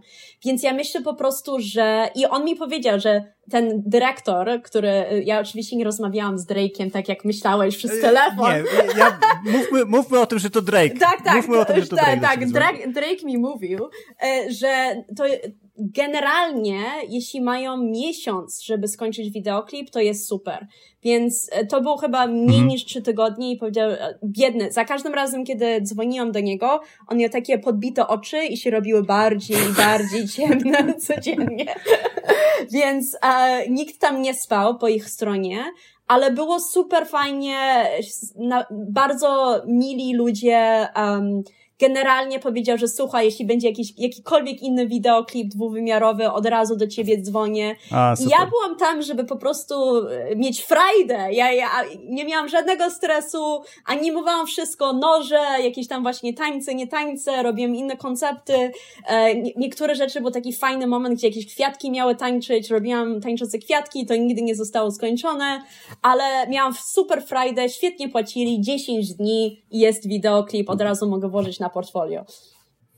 A właśnie, powiedz mi, e, bo kiedyś trafiła do mnie e, w ręce kilka stron takiej książki, którą, e, która krąży w Stanach. Mm, to jest kwestia mm, tam jakby moralności wyceny projektów, no nie? Że na przykład tam jest, nie wiem, czy miałaś to w ręku. I tam jest, że na przykład jeżeli szkoła do ciebie przyjdzie, miałaś? Nie, nie miałam, nie przeczytałam. A, okej. Okay. E, że na przykład jeżeli e, przychodzi na przykład do ciebie jakaś firma biznesowa, no to masz prawo ją wycenić na tyle. Jeżeli przychodzi szkoła, no to masz prawo wycenić troszeczkę mniej, no bo to jest tam, wiesz, jakby e, jakaś jednostka edukacyjna i tak dalej. A jeżeli na przykład firma non-profit, no to powinnaś mniej, czyli takie, wiesz, jakby stabilizacja pewnych cen, tak żeby rynek wyglądał bardziej przezroczyście. I teraz pytanie właśnie, jak do ciebie, pytam tylko, wiesz, po prostu jak to wyglądało, że dzwoni do ciebie Drake i mówi na przykład siema Tina, jesteś super sławna w animacji, chcę cię zatrudnić, no nie? I ty teraz mu odpowiadasz, wiem, że jestem sławna, dlatego chcę troszeczkę więcej, bo jestem sławna, ale chcę mi jeszcze więcej, bo ty jesteś bardziej sławny niż ja. Czy, czy raczej to wyglądało w sposób taki, Dzień dobry, tutaj raper Drake.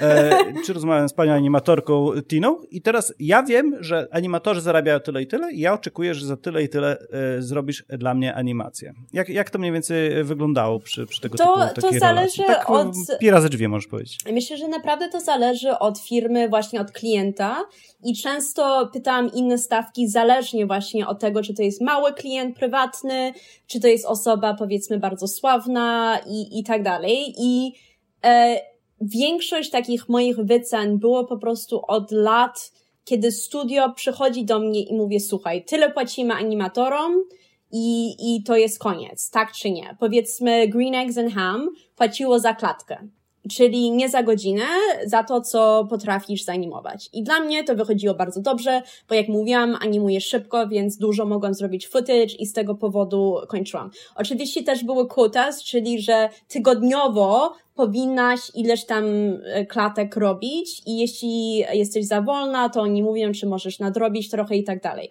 I próbowali bardzo miło dawać sceny takie um, czasami właśnie async, że powiedzmy jest, wszystkie postaci się ruszają, jest jakiś tam marketplace, że są postacie z tyłu i wszystko ma się ruszać, jest 20 postaci. Oczywiście nie zrobisz dużo tego footage, bo masz 20 postaci, mhm. ale następną scenę, którą ci dadzą, to jest jedna osoba, taki kadr, coś tam mówi, koniec, koniec klatki, więc strasznie szybko to pójdzie. I to był taki fajny balans, więc wiedziałam, aha, dobra, takie studio za taki projekt płaci tyle, potem, kiedy pracowałam powiedzmy dla Space Jam, to studio miało godzinną stawkę, oni poprosili mnie, jaka jest moja godzina stawka. Czekaj, czekaj, czekaj, zanim, zanim będziemy mówić o Jamie, ja właśnie chciałem ci pochwalić za ten Green Eggs, e, Green Eggs and Ham, ponieważ jak e, mi ostatnio wspomniałaś o tym, e, poszedłem sobie sprawdzić to i oczywiście, wiesz, sadzą swojego syna, to jest, wiesz, dzieciak niewychowywany w Polsce, więc jakby troszeczkę jestem ciekaw, jak on będzie odbierać rzeczy takie zagraniczne, tak? Czyli tak. na przykład w Polsce to byś oglądała jakiegoś Reksia Muminki. w kółko i Bolka i Lolka. E, tak jest. A, a, a mnie ciekawiło, wiesz, jak on zareaguje na jakby tą kulturę e, anglojęzyczną, czyli tak jak ten doktor Sus jest w waszej kulturze jakby super znany, w Polsce on jest średnio, no nie? Ja ci powiem, że on był zajebiście zachwycony w ogóle tym e, o, Green I ja tak, wiesz, na początku jemu odpaliłem i on zachwycony, taki wiesz, że wow, daddy, super, tak? I ja patrzę i faktycznie ta animacja jest naprawdę pięknie zrobiona. Te, te, te postacie się poruszają niesamowicie. Jest czuć, że to jest ten, nie wiem, mam wrażenie, że teraz w animacji się pojawia taka wielka chęć na, na jakość. Tak. I, I tutaj widać tą jakość. I super, nic nie jest na skrót, tylko pięknie zanimowane. Jest więc... cudowne. I, I co jest fajnie, super. że dla mnie, ja uwielbiam seriale dla dzieci, gdzie dzieci są zafascynowane, ale też jest poczucie humoru, które tylko dorośli potrafią jakby, jakby złapać i Green Eggs and Ham ma takie momenty, że tak fajne poczucie humoru. I oczywiście nie wszyscy by, jak jest taki właśnie moment, gdzie e, ta postać mówi, że, że I'm vegan i nie może jeść te, te jajka i on tak mówi, how long have you known? I taki, taki jest moment dramatyczny, że tak mu jest żal, że ona jest weganką, jak można.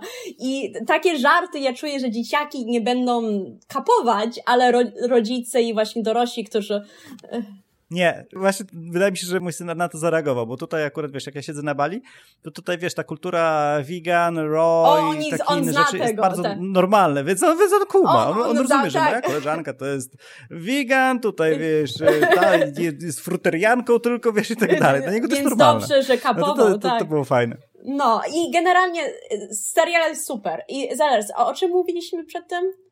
Było o czymś innym. Już zaczęłaś mówić właśnie o Space Jam. A no tak, teraz że e, jeśli chodzi o wyceny, tak, o, o wyceny, więc Space Jam powiedzmy mhm. wycenił godzinnie i też właśnie mieli różne powiedzmy fazy, że ja nie jestem e, junior, e, jestem po prostu animator, bo oczywiście oni mieli senior animators, które mają powiedzmy, nie wiem, 65 lat, którzy pracowali dla, dla tych oryginalnych Disneya i dlatego oni dostają najwyższą stawkę. Pytali mi, ile godzinnie powinnam, chcę, chcę dostać i ja się spytałam, właśnie Hanna Abihane, który pracował dla filmów i innych, jaka jest normalna godzina stawka dla takich filmów, bo ja nie miałam pojęcia, nigdy nie pracowałam nad, nad pełnym metrażem. Mhm. E, więc on mi dał jakiś tam ten, coś powiedziałam, oni powiedzieli, że aha, my nie płacimy aż tyle, czy byś była okej okay pracować za trochę niżej i powiedziałam super, nie ma sprawy, bo nadal to było w tej takiej jakby mm, bracket y, y, godzinnym. E, więc to naprawdę mhm. zależy. Generalnie ja nie wchodzę tam, to znaczy dla klientów małych czasem mam po prostu jakąś stawkę, że chcą jakiś tam e, character design i coś tam, jakiś package dla powiedzmy Apple jakiegoś na telefonie e, i wtedy mam jakieś tam stawki, które, które wiem, ale generalnie kiedy to są te takie bardziej high profile klienci, oni już mają cenę, którą chcą ci zapłacić. I jeśli ci spytają najpierw, oni chcą, żebyś ty wyceniła niżej, więc generalnie ja próbuję zawsze wyczuć najpierw, co oni powiedzą, lub trochę wycenić wyżej niż, niż to, co myślę, i wtedy wrócą do mnie z trochę niższą. -hmm. Bo jeśli ja się wycenię niżej, to powiedzą super, płacimy ci tyle. No nie? Więc to no jest klasyk, taki, to tak jest, jest, oczywiście taniec, trochę tango, że za każdym razem trzeba jakby wyczuć sprawę i, i zobaczyć o co chodzi.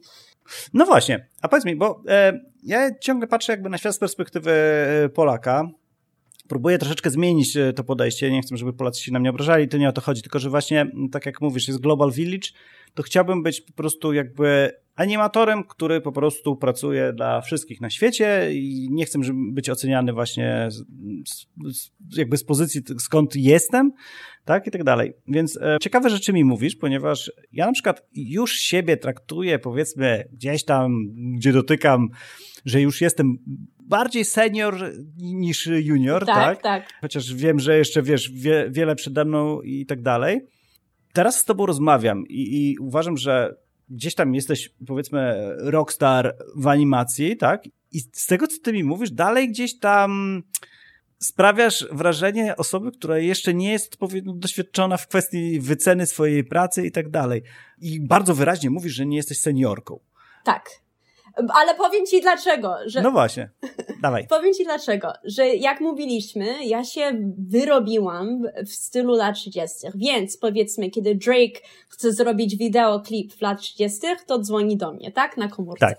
Ale ja wiem bardzo dobrze, że jeśli chodzi o powiedzmy feature film animation, typu właśnie uh, Space Jam lub jakiś tam inny film Disneya dwuwymiarowy y, stylu, nie wiem, e, w starych DreamWorks typu e, Prince of Egypt, że ja przez to, że pracowałam tyle lat w lat 30., nie jestem wystarczająco super dobra w tym stylu, bo po prostu nie ćwiczyłam tego stylu. Mhm. Że mam oczywiście świetną bazę i tak dalej, ale przez to, że nie jestem wyrobiona w tym stylu, że ja nie czuję, że mogę powiedzieć, że jestem powiedzmy senior animator, jeśli chodzi o feature film. Jeśli chodzi o lata 30., jeśli jakikolwiek jest projekt lat 30., jestem senior. Od razu. Bo ja znam to strasznie dobrze. Okay. A jeśli jest powiedzmy film e, animowany, który jest właśnie ten feature quality, to ja jestem tak w środku, bym powiedziała. Że nie jestem juniorem, nie jestem senior, ale jestem tam e, middle top, w zależności od, od jaki to jest styl. I powiedzmy, strasznie trudno dla mnie jeszcze, przez to, że ja nie dotykam tego od lat, jest uh, lip sync, czyli mowa i aktorstwo, kiedy ktoś mówi. Jeśli chodzi o aktorstwo, powiedzmy, tylko pantomime, czyli tylko ciało, jestem super. Jeśli chodzi o jakiekolwiek lupy, czyli chody i tak dalej, super. Ale jeśli chodzi o właśnie takie aktorstwo emocjonalne, gdzie nie ma żartu, bo ja jestem właśnie taka, że lubię e, rozśmieszać ludzi i kiedy jest żart, to ekstra, to będzie super. Ale powiedz mi, jeśli jest jakiś moment emocjonalny, gdzie osoba jest naprawdę musi tragicznie wyglądać, to, to trochę jest gorzej. I właśnie jeśli chodzi o ten lip sync, nadal mi nie wychodzi. I tam pytałam ludzi Green Eggs, bo oni mi poprawiali, kiedy mi nie wychodziło dobrze. I pytałam, co ja mogę robić lepiej, jak to. On powiedział, że to jest tylko ten pencil mileage, czyli trzeba więcej tego robić. I dlatego nie mhm. wyceniam się, chociaż jestem w jakimś tam wieku i ileś tam lat pracowałam w animacji, nie wyceniam się jako senior, kiedy chodzi o ten styl animacji. A powiedzmy, jeśli chodzi o lata 30, to mogę powiedzieć, że jestem senior, senior, plus, plus, plus. Mhm. No to takie ciekawe, ciekawe teraz mam przemyślenie, że e, powiedzmy, jak ja robię jakiś projekt i się gdzieś tam wyceniam, to zawsze też biorę pod uwagę jakby, co to za klient, tak, tak mniej więcej, czy ma doświadczenie z animatorami i e, jeżeli jest klient, który ma słabe doświadczenie z animatorami, raczej nie będę z nim pracować, to, mm, bo, bo, bo nie umiem jeszcze stworzyć tej relacji, tak? Nie mam doświadczenia, żeby tłumaczyć mu, co ja robię, czym się zajmuję, ile to jest warte i tak dalej, i tak dalej. E, ale zauważyłem, że jeżeli ktoś jest już doświadczony, powiedzmy w animacji czy w marketingu tego typu, to automatycznie podwyższam cenę, bo ja wiem, że już samą ceną, czy, czy, czy nawet nie wiem, czy w ogóle to, że on rozumie, co ja robię, ja już wiem, że mogę podnieść cenę i on wie, że okej, okay, to jest tyle warte. I teraz, co jest ciekawe, właśnie jak teraz mi o tym opowiadasz, że na przykład dostałaś pracę w Space Jam, to zakładam, że ludzie, którzy tam pracują i ciebie zatrudniają, no to są ludźmi, którzy się zajebiście znają na, na animacji Warner Brosowej, prawda? I teraz zaczyna być troszeczkę taka odwrotna sytuacja. Oni się tak zajebiście znają na tym, że ty nie możesz już folgować i wiesz, podwyższać cenę sobie na maksa. Nie możesz, nie. Dobrze wiesz, że oni, bo oni konkretnie wiedzą, co ty umiesz. Tak? tak. I wiesz, i, i tam już nie i oszukasz. Do tego to sytuacja. Kiedy jest wielkie studio, oni mają jakiś tam budżet, muszą zatrudnić 100 animatorów. Każdy animator, w zależności od właśnie tego stanu seniority, musi zarabiać ileś tam. Więc oni nie mogą się bawić w jakichś negocjacjach, że ty o dolar czy o dwa pójdziesz do góry, do dołu. Ten poziom animatorów tyle zarabia. Ten poziom animatorów tyle zarabia. Oni po prostu mają stawkę, mówisz tak czy nie i koniec sprawy. I w tym momencie, powiedzmy w Space Jam, e, oni mieli, um, jak się mówi po polsku, e, e po angielsku powiedziała, Powiedz po angielsku. E, they have all the power. Mm -hmm, okay. e, że w tej negocjacji ja bardzo chciałam ten projekt, bo to był mój pierwszy film długometrażowy. Pracowałam dla wideoklipów, pracowałam dla telewizji, pracowałam dla gier, ale nigdy w życiu, to znaczy robiłam jeden film, a to był dla Włoch jakiś taki mały filmik, coś tam. I, i robiłam wtedy tylko te e, special effects, czyli ogień, woda i tak dalej. Więc mhm. to był taki mój pierwszy, bardzo znany film, i same imię Space Jam A New Legacy na moim CV to by było warte jakiekolwiek stawki, co by mi dali. Super. Więc to, że powiedzmy o dwa dolary niżej mi dali niż poprosiłam, byłam absolutnie okej okay z tym, że super, dobra, absolutnie, bo ja się cieszę, że to jest taka, zresztą tyle fajnych kontaktów z tego powodu dostałam, więc to jest też inny, inny jakby forma zapłaty, tak, że stawka jest ok, może nie najwyższa, jakiej kiedykolwiek dostałam, ale też na pewno nie najniższa, ale też tyle fajnych animatorów spotkałam i dużo seniorów, właśnie tych facetów, które mają 65 lat plus, którzy wszystko tak. pamiętają. Co, oni ciągle w branży są, tak? Tak, bo w tych momentach to jest taki śmieszny moment historyczny, tak? Bo kiedy ja byłam młoda, 2D jeszcze było super fajne. Potem nagle był taki jakby cliff, gdzie wszystko po Pixarze było trzywymiarowe, że 2D już przestało być trendy. No tak. Więc przestało być filmy animowane w 2D, Disney zamknęło swoje studio 2D, to był taki wielki, dramatyczny moment i w tym momencie zaczynałam karierę. I była, dla mnie dla, to była tragedia, że już nie ma dużych, fajnych projektów 2D, gdzie bym mogła pracować. Więc oczywiście zaczęłam szukać czegoś innego i wtedy gry wideo zaczęły, zaczęły się i niektórzy robiły 2D, więc w tym się wzięłam.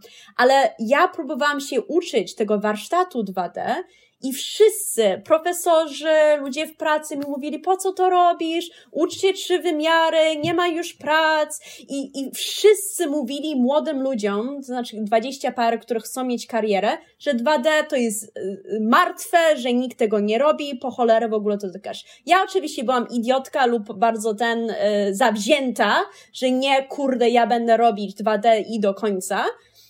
Więc ja byłam jedna jedyna, ale większość pewnie innych młodych ludzi posłuchało i tylko bębniło trzy wymiary, tak? Mhm. I kiedy znowuż był trend na 2D, nagle nie ma młodych animatorów, znaczy młodych, w moim wieku, czyli ten taki mid-range, którzy dobrze animują, ale są młodzi. Więc strasznie dużo właśnie tych facetów 60, 70 lat, którzy już od dawna e, byli na emeryturze, musieli wrócić do pracy, bo nie ma nikogo, żeby robić te niesamowite sceny, bo jak ja mówię, że ja tak, jeszcze... Wiesz, Wyobrażam sobie ich, że oni tak, nakład, tak wstają z tych foteli, piwo na bok i zakładają, zakładają strój superbohatera. Taki, no, taki wracamy. wracamy do roboty. No, o to chodzi. No jest taki właśnie żart e, e, w tym e, Incredibles, pierwszym Incredibles. Tak, tak, tak. tak, kiedy, tak że that's the old school. Old school. I to, to jest Frankie Ollie, ci animatorzy Disneya, którzy tam są skarykaturowani, którzy rzeczywiście każdy animator poznaje, ale nie wiem, czy, czy dzieciaki poznały, że to jest Frankie Ollie, właśnie old school like the old school. I to, i to taki właśnie moment był dla Space Jam, że właśnie seniorzy byli naprawdę seniorzy, że to są ludzie, którzy to robili przez 50 lat, więc naprawdę niesamowity mm. moment. No ja jeszcze tego Space Jamu nie oglądałem, muszę przyznać, bo troszeczkę recenzje mnie odstraszają. Nie jest zły. Naprawdę nie jest zły. To ja myślałam film, też, że będzie, e, jest naprawdę fajny. Ja, ja myślałam, że będzie gorszy. Ja tylko oczywiście poszłam, bo chciałam zobaczyć moje sceny na dużym ekranie. Um, ale generalnie byłam taka pod wrażeniem, że fajna fabuła, fajnie zrobiona, aktorstwo fajne, e, fajne żarty. Oczywiście każdy może skrytykować, że niektóre wątki naprawdę są niedorozwinięte i co jest e, smutne, że były rozwinięte, ale te oczywiście jakby momenty były zlikwidowane z filmu, e, więc e, mogłoby być lepiej, ale nie jest zły film, więc możesz sobie Jasne. obejrzeć. A, a, co, a co, co sądzisz ogólnie o animacji 3D? Bo ja teraz e, jestem w, w trakcie oglądania Arkane Aha, na tak, tak. Netflixie. Tak. Ojej, to jest po prostu masterpiece. To jest po prostu e, po, po Spider-Manie Into Spider-Verse uważam, że taka druga świetnie, świetnie takie zrobiona animacja 3D, gdzie to jest to coś. I nie wiem, e, jakie jest twoje zdanie? Co, co sądzisz właśnie o animacji? O, o trzech wymiarach generalnie, więc e, ja jeszcze nie zobaczyłam Arkane. Mhm. Mam, e, też chcę na Netflixie obejrzeć Wiedźmina tego anime, że to jest e, Geralta mhm. ten. Ja, ja wszystkie książki oczywiście Sapkowskiego jako dziewczynka przeczytałam, więc dla mnie i dla, dla mojego ojca Wiedźmin to jest ten top, więc jesteśmy super podnieceni. E, więc muszę tą animację zobaczyć, zresztą to jest 2D. I potem też wszyscy mówią mhm. mi o Arcane, więc co obejrzeć. Generalnie um, lubię dobrą animację trzy wymiary. Jeden z moich ulubionych Pixara, powiedzmy, to jest Wally, gdzie po prostu to jest pudełko mm -hmm. i oczka tak. i człowiek tyle czuje dla tego pudełka. To dla mnie jest po prostu top dobrej animacji. E, niektóre rzeczy e, też e, DreamWorks były cudowne, tylko że po jakimś czasie, dlatego ostatnie kilka filmów Pixara nie obejrzałam, zresztą chyba też, że ja generalnie chciałam iść do kina, żeby to zobaczyć, a, a ostatnie dwa lata mm. nie było takiej możliwości i nie mam Disney Plus i tak dalej, więc nie obejrzałam. E, Luka chyba był taki ostatni Pixara i nie obejrzałam. Tak, tak, e, fajne. Ale, no, ale, polecam, ale jedyna rzecz, co mnie trochę jakby zniechęca od tych nowszych Pixara, że czuję, że te postacie zaczynają wszystkie wyglądać takie same że nie ma zmiany stylu, że to jest zawsze ta sama postać, ten sam character design, ta sama osoba zatrudniona. Tak, tak, tak, tak I zaczyna tak. mnie to tak nudzić i zawsze te same kolory i to sam, i to po prostu po jakimś czasie. Ja uwielbiałam, kiedy um, powiedzmy wyszły e, pierwsze filmy Cartoon Saloon, które były dwa wymiary, ale bardzo innym stylu, czyli Secret of Kells, Song of the Sea tak. um, i, i ten uh, Breadwinner i tak dalej. Super fajnie, bo to jest dwa wymiary nie w disneyowskim stylu, bardzo inny styl, lub francuskie filmy typu Ernest et Célestine. O, um, ale jeśli chodzi piękne. o trzy wymiary, o. no i e, więc jeśli chodzi o trzy wymiary, są momenty, gdzie mówię, wow, powiedzmy Spider-Verse był cudowny, e, chociaż mnie wkurzyło, że dwuwymiarowe postacie były animowane w trzech wymiarach. Mogli do cholery znaleźć dobrych animatorów i je, je zrobić superimposing i animować. Dlaczego musi... Nie, to, to było jedyne, które byłam tak wkurzona, ale resztę... No bo to jest teraz taki trend tam Ja wiem, że to był Blender i tak, ale mnie to tak wkurzyło, bo, bo by było super właśnie ten taka ala jak się mówi, Roger Rabbit, gdzie jest właśnie ten juxtaposition tak, tak, tak. tych dwóch stylów, by było fajnie. Uh, więc to, to bardzo lubiłam. E, Arcane chcę obejrzeć, więc to nie jest to, że nie lubię powiedzmy stylu trzech wymiarów, ale nie cierpię animować trzech, w trzech wymiarach. Bo ja oczywiście spróbowałam w szkole i kilka razy podeszłam do tego i po prostu absolutnie mi to nie kręci.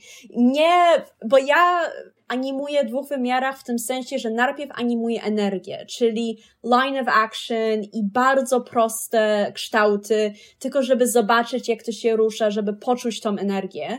I w trzech wymiarach ta postać ciągle ma te wszystkie paluszki, wszystkie oczka i tak dalej. I to jest takie jakby odejmuje od tej, tego momentu, że tylko myślisz o tej energii. Oczywiście teraz te programy można tam rysować, ale wtedy animujesz dwa razy, trzy razy i, i nie wiem, jakoś nie, nie lubię animować w trzech wymiarach, wolę rysować. No i okej. Okay. No, ale, ale lubię oglądać, może być, tylko że ja mówię, że po jakimś czasie mi się zrobiło taki że czuję, że ciągle patrzę na to samo i to mnie trochę zaczyna wkurzać. No właśnie. I tak troszeczkę nawiązując do tego, że patrzymy na to samo i tak dalej, też, też jakby uważam, że pewien sposób tak jakby właśnie tego, tego character design to też mnie trochę mierzi, przez co bardzo mi się podoba, że e, Netflix chyba od, odnowił ten na przykład mm, Dark Crystal, to, to, ten serial cały zrobili, to Puppet, tak, tak, Puppet tak. Show. No jakby tak. ten, tego.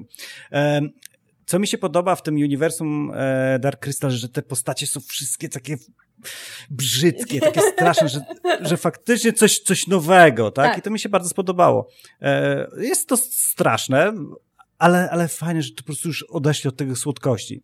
I właśnie, chciałem zapytać, że e, trochę nawiązując jakby do tej klasyki animacji i tak dalej, co sądzisz o tych, o myszce Miki, tej najnowszej, e, jaka jest? Ona jest taka trochę na twinach robiona, trochę frame by frame, tak. taka, taka mega karykatura. Ja osobiście bardzo lubię.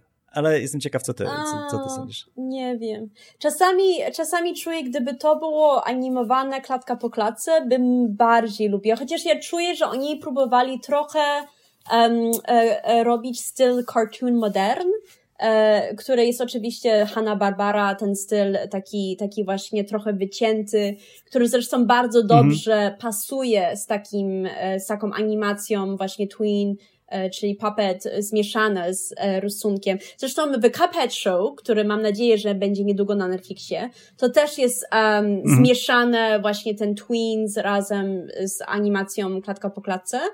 E, I oni trochę robią ten styl trochę Ren and Stimpy z lat 90. zmieszany razem z stylem lat 30.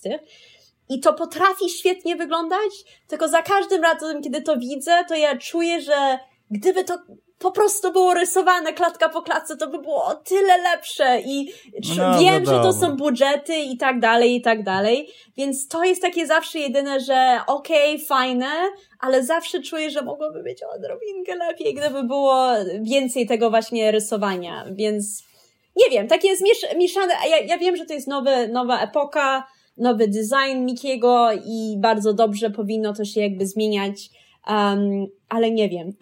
Taki jestem tak pół na pół. -hmm.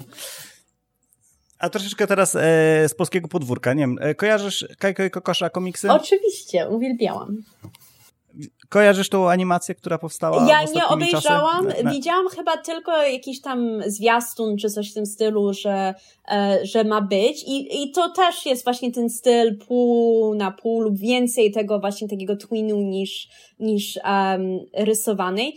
I po prostu zawsze mi trochę jest tęskno za powiedzmy um, kiedy ja byłam właśnie mała w Polsce, to było Muminki, e, serial Muminki rysowany, był serial e, Smurfy rysowany i gdyby Kajko i Kokosz byli rysowani tak jak z tych czasach, ja myślę, że to było trochę lepiej, no, ale, ale super, że, że jest i to chyba Netflix też, no nie? E, to mhm, tak. zaprobował. Ja, ja myślę, że komiksy są super śmieszne i że to są tak fajne postacie i że one są tylko znane w Polsce i żeby było, że jest super, że, że to jest taki teraz ten, że inni ludzie mogą to zobaczyć, obejrzeć i, i fajnie, no.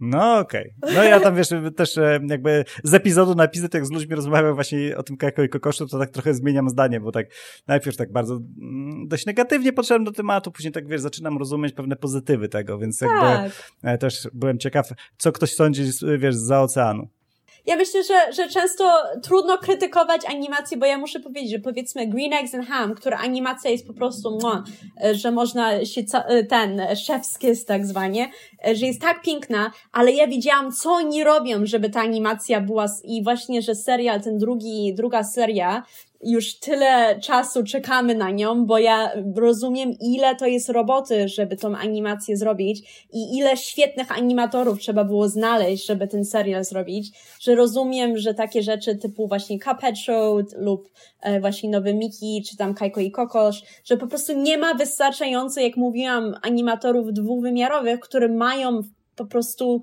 wystarczająco wiedzy, przez to, że była ta generacja trzy wymiary, że nikt nie rysował i możesz być niesamowitym animatorem trzy wymiary, jeśli nie rysowałeś od 15 lat, nigdy nie zanimujesz dobrego, ani, dobrej animacji dwa wymiary. I to jest taki problem. Jak kiedy ja się uczyłam dwa wymiary i wszyscy mu mówili, że nigdy nie będziesz w tym pracować, że, że to jest naprawdę ten, strata czasu, powiedziałam nie, nie strata czasu, bo to dla mnie jest najtrudniejsza forma animacji, bo nie tylko musisz znać dobre aktorstwo, mm.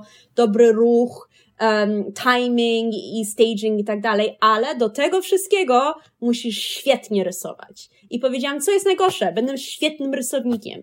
E, więc to jest problem, kiedy teraz jest strasznie dużo e, trzywymiarowych animatorów i nie potrafią jakby zmienić karierę, żeby być e, dwuwymiarowymi animatorami, bo po prostu nie potrafią rysować. Jasne. No, myślę, że oni pewnie nawet nie chcą przechodzić na 2D. Aha.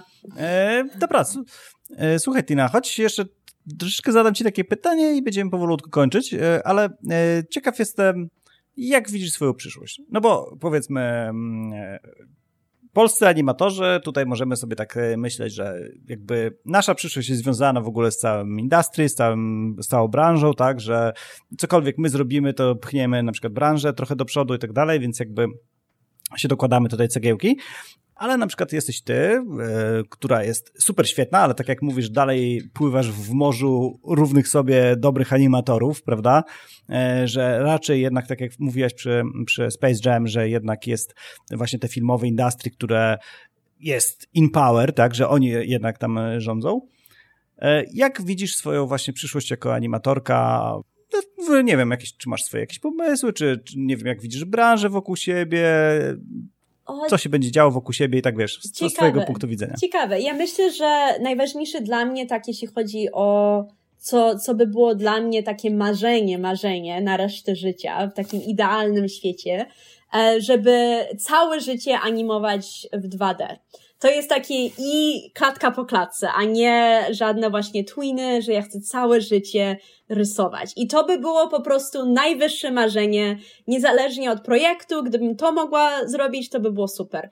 Druga rzecz, która dla mnie jest naj, najważniejsza, jest, żeby nigdy nie przestać się uczyć czegoś nowego i jakby czuć, że troszeczkę jestem lep lepsza niż powiedzmy w zeszłym roku, że idę do przodu, jeśli chodzi o mój własny, e, własny fach, e, że lepiej rysuję, że lepiej animuję i to dlatego ja myślę, że jest bardzo ważne dla mnie, żeby mieć taką karierę, że okej, okay, dobrze płacą, że wiem e, skąd chleb będzie na stole i dla chleba i że będę po prostu to, to robić w nieskończoność, typu właśnie lata 30. Czuję, że jestem świetna w tym i że powiedzmy, jeśli będzie jakiś kontrakt, który ma ten styl, to bardzo chętnie e, bym na tym pracowała, uczyła innych, jak to robić, ale ja czuję, że wystarczająco to dobrze znam, że ja chcę coś nowego, że, e, że być lepsza i się uczyć czegoś innego.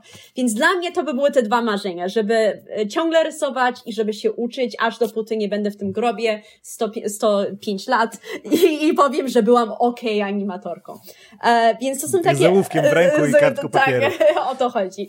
I dlatego też e, w tym roku zaczynam chodzić do, do jak się mówi, physiotherapy, żeby, żeby spróbować, żeby moje ciało mogło to wszystko przetrwać, aż dopóty nie będę w tym grobie. E, więc to są takie dwa ma marzenia. Jeśli chodzi o powiedzmy nasz, um, e, takie marzenia inne, jeśli chodzi o, o nasz fach i tak dalej, to dla mnie właśnie prawa kobiet, to, że jest dużo młodych kobiet, e, które chcą się uczyć animacji, które chcą być w grach, które chcą pisać dla gier, które chcą pisać dla, dla, dla różnych filmów animacyjnych, to by było super. Też te, e, oczywiście u nas e, E, to była e, naprawdę taki moment historyczny Black Lives Matter. Mam dużo um, przyjaciół, którzy są, e, nie wiem jak się mówi po polsku, people of color i ja chcę, żeby było więcej osób z różnymi właśnie, um, z różnych kultur, którzy są w animacji, mm. żeby były różne głosy, różne E, style opowiadań, żeby to nie było takie właśnie, że wszystko amerykańskie, wszystko robione przez amerykańskich facetów i tak samo, tak samo. Więc dla mnie to jest takie marzenie, że kiedy właśnie będę starsza, że będą e, studia typu Cartoon Saloon, może studia właśnie w Polsce, które zaczną e, swoje właśnie historie opowiadać i w tym sensie moje inne marzenie jest, żeby kiedyś zanimować Syrenkę Warszawską w stylu Młoda Polska, więc to jest takie jedno moje marzenie. A. Super. A właśnie tak jak mówisz o tych e, różnych kulturach i tak dalej, to mi się wydaje, że jakby w branży ogólnie to się zmienia, że właśnie jakieś tam z Azji popularne się stają właśnie jakieś produkcje e, z Ameryki Południowej, tam teraz ten Jorge Gutierrez, on ten Book of Life stworzył i teraz nie wiem, czy oglądałaś Maję and the, and the Three. Jeszcze Na nie. Na Netflixie jest też serial. A, jest na Netflixie. Który, jak, jak się... Mm. Zaraz powiedz, bo ja tego nie słyszałam. Maja nie. i co? Maja and the Three. Okej. Okay. Maja i Trójca, to chyba tak to I muszę w końcu się wziąć za Arcane i, i so, to obejrzeć też na Netflixie. To Arcane i, i tą Maję obowiązkowo, bo to jest kawał sztuki. Zresztą ten, e, w, ogóle jak ciebie trochę tam googlowałem, to, to nie wiem, w jakiś tam sposób wystąpiłaś w, e, twoje nazwisko w jakimś tam dokumencie animacji i właśnie ty byłaś i obok właśnie ten, ten Giteres. Um, więc pomyślałam, że może macie coś wspólnego ze sobą. Nie, to jest bardzo fajny film. Zresztą to się nazywa chyba Drawn to Life, czy coś w tym stylu. E, to jest film dokumentalny, tutaj e, bardzo fajna reżyserka z Toronto i ona, ja byłam jej pierwszy interview i to był jeszcze ten moment przed Cupheadem, gdzie e, dwa wymiary nie były trendy, tak?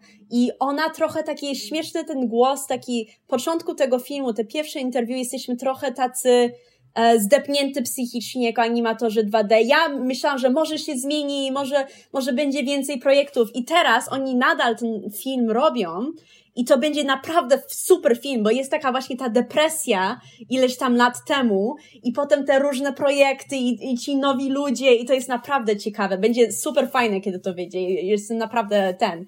Jestem e, ciekawa i nie mogę się doczekać. Będzie ekstra. Super, super. No to dobra, słuchaj, e, to co? E, życzę ci ogólnie mnóstwo hajsu. Hajs? Pamiętaj, hajs to pieniądze. Aha, teraz, dobra, ekstra. Tak się mówi. Tak jest. E, dobra, więc e, mnóstwo kasy tobie życzę, jak najbardziej z, z twojej pasji, jako jest animacja. E, życzę ci stworzenia, e, ba, nie tylko tobie życzę, ale życzę też właśnie Polakom stworzenia przez ciebie animacji o Syrence, bo właśnie życzę, życzę właśnie Polakom takich produkcji animowanych, które, które staną się dane na, dla nas takim dobrym kulturowym, tak? Tak jak kiedyś był ten Reksio cały i Bolek i Lolek, a później długo, długo nic, to właśnie tak, um, wydaje mi się, że w Polsce potrzeba właśnie takich produkcji animowanych, które powiemy, tak, to jest z naszego kraju, tak, to jest o nas, tak, to jest super fajne, no nie? I, i co najważniejsze, stworzone przez Polkę, więc... Tak, najwyższe, najwyższe marzenie tej właśnie Syrenki by było, i to zobaczymy, jak mi wyjdzie, że same kobiety to zanimują i że chcę właśnie dużo Polek znaleźć, o, żeby to animować, więc super. zobaczymy, jak to pójdzie. O, to, to, to, ja ci powiem tak, że, że naprawdę dużo dziewczyn to, tego słucha, to, to ja teraz już im podpowiadam, dziewczyny, e, odzywajcie się do Tiny. Tak, tak, ja e, będę tam myślę, listę tam, robić za, sobie na może. projekt. tak jest. Ja będę potrzebować super, właśnie super. ludzi do pisania, do storyboard, do tell, będzie wszystko przez kobiety, więc to jest takie marzenie. Bomba, bomba, na, na stówę ci się uda. No dobrze. So, thank you for your time. I'm really glad uh, having you in my show. Uh, it was really pleasant time.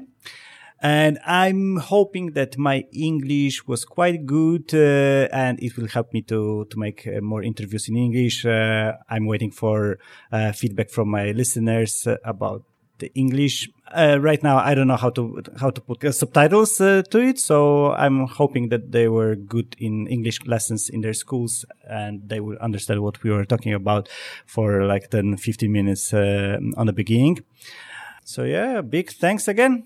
Uh, it was a pleasure as well. And, uh, uh, you know, it is a global village. So even if you are Polish, I do hope that you're taking some English classes because, as I said, it would be nice to work with everybody. And, um, the more international opportunities you get, the better. So it was a pleasure. And, and I hope everybody enjoys the episode.